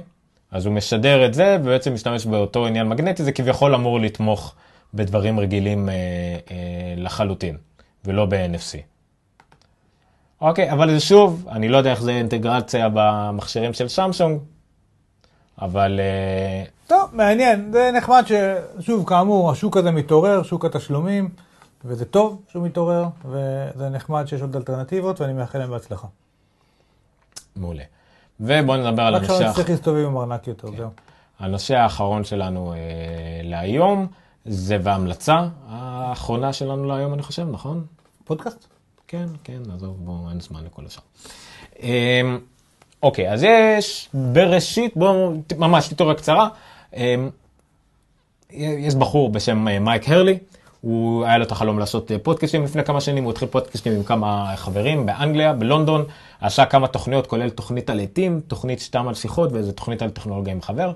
אה, אחרי שהרשת הזאת הקטנה שהקים הצליחה, היא הייתה בנויה על Squarespace כמונו. אה, הצליחה, הוא התחבר עם 5by5, עם דן בנג'מין, רשת פודקאסטים יותר עצמאית, גדולה יחסית בארצות הברית, עזר להם, למד משם המון, ולפני 27 שבועות, בדיוק, אה, הקים חברה, אה, רשת פודקאסטים משלו, שנקראת Relay FM, Relay.FM, ושם הרבה מהסדרות הישנות שקיבלו שם חדש, וגם תוכניות חדשות ומעניינות. והתוכנית הדגל שהייתה לו הייתה נקראת בעבר Command Space, ועכשיו נקראת Inquisitive, תוכנית רעיונות מאוד מוצלחת, עם כל מיני אנשים וחברים שהוא הכיר ומפתחים וכדומה, שם הוא הכיר הרבה מאוד חברים. ועכשיו בפרק 27 של Inquisitive הוא החליט לקחת דרך חדשה, גם תכנית וגם הפקתית, ויצר בעצם שדרת אה, פודקאסטים שנקראת Behind the App. אז זה Inquisitive, זה relay.fm/inquisitive/27, ולסדרה הזאת קוראים the App, הפרק הראשון היה על ההיסטוריה, הוא בעצם מראיין אה, מספר מפתחים על ה, אה, מאחורי הקלעים של אפליקציות, כרגע זה על ההיסטוריה, וגם אחרי זה כל הדברים שקשורים מן הסתם בעיקר לאפליקציות של אפל, של ה-iOS. מה קורה איתם מאחורי הקלעים והתמודדות מול החנות, ובמקרה הזה זה איך זה התחיל עם האייפון כן. ואיך שמענו על ה App Store, זה ברמה הפקתית מאוד גבוהה, זה מאוד מזכיר את דיס אמריקן לייף וסיריאל כן. וכדומה, הוא ממש עבד על זה ממש כמעט חודשיים רק על השדרה הזאת, ועכשיו עולה הפרק הראשון עם סרט עריכה ואפקטים וג'ינגלים, הכל. מאוד מאוד מרשים, זה ממש חלום שלי ושל ניר, של איך שדבר כזה יכול לקרות, וזה מומלץ בלי קשר גם בתכנים, אבל גם מבחינת הפקה לראות איך פודקאסט עצמאי, דבר שהוא לא רדיו, הוא לא טלוויזיה, הוא לא משהו שאנחנו mm-hmm. מכירים, הוא בעצם יוצר פורמט משלו, וזה יפה מאוד. אה, ואני ש... גם רוצה להמליץ לכל מי שמתעסק עם פיתוח מובייל, להקשיב לפר... לפרקים האלה, ספציפית על כל מה שקשור לבניית האפליקציות, כי זה מאוד מעניין לראות איך זה נולד, מה השלבים שעברו בדרך, איך חושבים מפתחי מובייל. פעם, איך הם חושבים היום, מה מניע אותם. אה, אני חושב שאפשר ללמוד את זה. רובם התחילו או מעניין או מצורך אישי, שזה יפה כן. מאוד. אה, בין האנשים שהוא מראיין שם זה מרקו ארמנט כמובן, שהיה עובד מספר 2 של טמבלר, ואז התחיל לעבוד על Instapaper, ברגע שיצא ה App Store הוא הוציא את Instapaper כאפליקציה, עם הזמן יכל לעזוב את טמבלר להתעסק רק עם Instapaper, ואז עשה את The Magazine, ועכשיו עושה את Overcast, אז הוא קיבל אה, בסביבות ה-6 מיליון דולר מטמבלר, נמכרו ליאהו, אה, אז לא חסר לו, והוא באמת אה, סיפור הצלחה מאוד נחמד. ואת Instapaper הוא מספר שהוא עשה, כי הוא היה נוסע לעבודה, ובדרך לרכבת לא הייתה קליטה, והוא רצה להמשיך לקרוא את הכתבות שלו, אז הוא חיפש משהו שייתן לו לקרוא את הכתבות offline. כאילו זו הייתה המטרה, הוא חיפש לפתור בעיה אישית שהוא התמודד איתה, שהוא הניח גם שאחרים מתמודדים איתה, אה, ומזה נהייתה Instapaper. נכון. ג'ייסון סנל הוא האדם שתמיד ליווה את אפל ב Macworld שנים, הוא היה עורך בפועל, עורך ראשי. בזמן שיצא האייפון, הוא מספר על איך העיתונות ואיך התקשורת וכולם חוו את, ה, mm-hmm. את העלייה של ה App Store. יש, שם, יש פה את גיא אינגליש, גיא אינגליש גם כן יש לו נכון. הרבה אה, אה, פודקאסטים וכדומה. גיא אינגליש היה מפתח אה, למק ומשחקים, ואז שיצא Instapaper, הוא פיתח, בחברה שהוא פיתח, הם עשו את אה, Tap Tap, Tap Tap Revenge. כן, Tap Tap Tap. שהיה משחק כן. מוזיקלי נכון. הראשון, מיליונים אמרו שהם מכרו את זה ממש במיליונים של דולרים. וזו ההצלחה הענקית הראשונה של ה App Store, זה ואפליקציות של נודים. אה, ועוד דוגמה אחת שיש שם, דוגמה קיצונית, זה דויד פירס. אה, דויד סמית, סליחה. דויד סמית... אה, זה, זה ההוא שראינו אותו מפתח את האפליקציה לשעון, לא? כן. אוקיי. דו, דויד סמית, בין היתר, הוא... יש לו כרגע 160 אפליקציות בחנות, עצמאי לחלוטין. כל פיצ'ר חדש שיוצא הוא מוציא לאפליקציה. היה לו את ה Pedometer Plus Plus ברגע שיצא עם 7, כן. בשביל הזה. לשעון כבר יש לו משהו כמו איזה 8 או 9 אפליקציות מוכנות כבר, אה, והוא עושה את זה באמת מאהבה של העולם של הפיתוח, של הפודקאסט, אה, מאוד אה, נחמד, של 15 דקות. וזו דוגמה, וכל האנשים מספרים על חוויות אישיות שלהם, וזה מאוד נחמד לראות את זה כהיסטוריה של אפל, היסטוריה של אפליקציות, כי כמו שאמרת, ציינת את זה מקודם בהקשר לעניין הזה, נכון. שהזכירו שזה יהיה internet communicator, סטיב ג'ובס אז לא, אולי חשב, אבל לא יהיה App Store, אבל החלק כן. הזה קשור ל App Store, זה באמת המהפכה שבאייפון עשה. אייפון הוציא את עולם האפליקציות מהספקים, מהחברות תקשורת, מהחברות סלולריות, נתן למפתחים עצמאיים לעשות את זה, בפלטפורמה להנגיש את זה ולמכור את זה אה, עצמאית לחלוטין, וזה פשוט שינה את עולם הטכנולוגיה ועולם האפליקציות והתוכנות, כמו שאנחנו ואגב, גם uh, ה App Store עצמה הייתה איזשהו מודל הפצה לתוכנות שלא היה קיים לפני. נכון. זאת אומרת, פעם היית עושה תוכנה, היית מייצר CD, שם בחנות, מפרסם ב-PC מגזין, באנשים ומחשבים. אה, כן היו תוכנות שהיית יכול להוריד מ download נקודה com או דברים כאלה, אבל היית צריך לדאוג בעצמך ל marketing ול hosting ודברים כאלה. אה, וכאן באו אפל עם מודל אחר, ומאוד הקלו באיזשהו מקום, למרות שהיום להתבלט ב App Store זה קשה, אבל הם כן כאילו הקלו על ההפצה ואפשרו לכל אחד לשבת באמת בבית עם לפטופ, אם יש לו רעיון טוב, לפתח די בקלות ולשלוח את זה אחר כך לעולם. אוקיי. אה, כן, זהו, נראה לי עד כאן. אני חושב שאכן סיימנו להשבוע. שוב, פרק של קצת מעל שעתיים, יקשה עלינו מאוד ביוטיוב, אבל לא נורא. התחלנו ביפה, היה באמצע נוראי, אבל התחלנו יפה. אוקיי, אז זה היה נונקאסט פרק 86, 20 לפברואר 2015. אנחנו שוב, אה, מי שדילג על האמצע, אז היו תקלות באמצע, תתעלמו מהם. מישהו, אולי יש אנשים שמקשיבים רק להתחלה, רק לסוף, אני לא כן. יודע. אז אנחנו אה, מתנצלים על זה, אבל היה, אנחנו משנים פה ומנסים כל פעם דברים, כמו שאמרנו, לנו צלחת פטרי אה, שלכם, אה, וזהו. אז אה, איפה אפשר להשיג אותנו, בזמן שאני מחפש פה איזה משהו? אז אפשר להשיג אותנו בשטרודל Noncast at Geekster co.il במייל. אפשר להשיג אותנו בשטרודל עומר ניניו בטוויטר. אפשר להשיג אותי בשטרודל נירחו בטוויטר. אפשר לחפש אותנו כ Geekster או Noncast אה, בפייסבוק. Google Plus אולי, אני חושב שיש לנו את הנוכחות שם. אה, אפשר אה, ללכת לגיקסטר.co.il ושם מופיעים כל, כל הפודקאסטים והתכנים שלנו, יש הרבה תכנים כתובים, כמו הכתבה שדיברנו עליה בנושא הרכב. ועכשיו אתה תגיד לי שלא הקלטנו כלום בשלוש שעות האחרונות. לא. אה, אה, אלה הדרכים שאפשר להשיג אותנו, אנחנו כרגיל נשמח לעזרה מכם, בעיקר בצורה של, אה, א', אם יש מישהו שממש פיזית יכול לבוא ולעזור לנו עם ההפקה של התוכנית, או אה, אחרי ה post production, ה pre production, כל מה שבא לכם לעזור, כאילו, שאתם יכולים להצטרף אלינו ולעזור לנו, אנחנו נעריך את זה. ככל שנקבל יותר, יותר עזרה, לצורך העניין, אם ה pre production וה post production יהיה, אה, יהיה מישהו שיעזור לנו, אז ייתכן וזה יפנה לי זמן סוף סוף לעשות את הפודקאסט שאני כל כך רוצה לעשות על רכב, ואת הפודקאסט שאנחנו רוצים לעשות על טכנולוגיה וילדים, ו, אה, אז כל עזרה כאמור היא מבורכת, אה, ותוכל לעזור לנו לעשות יותר.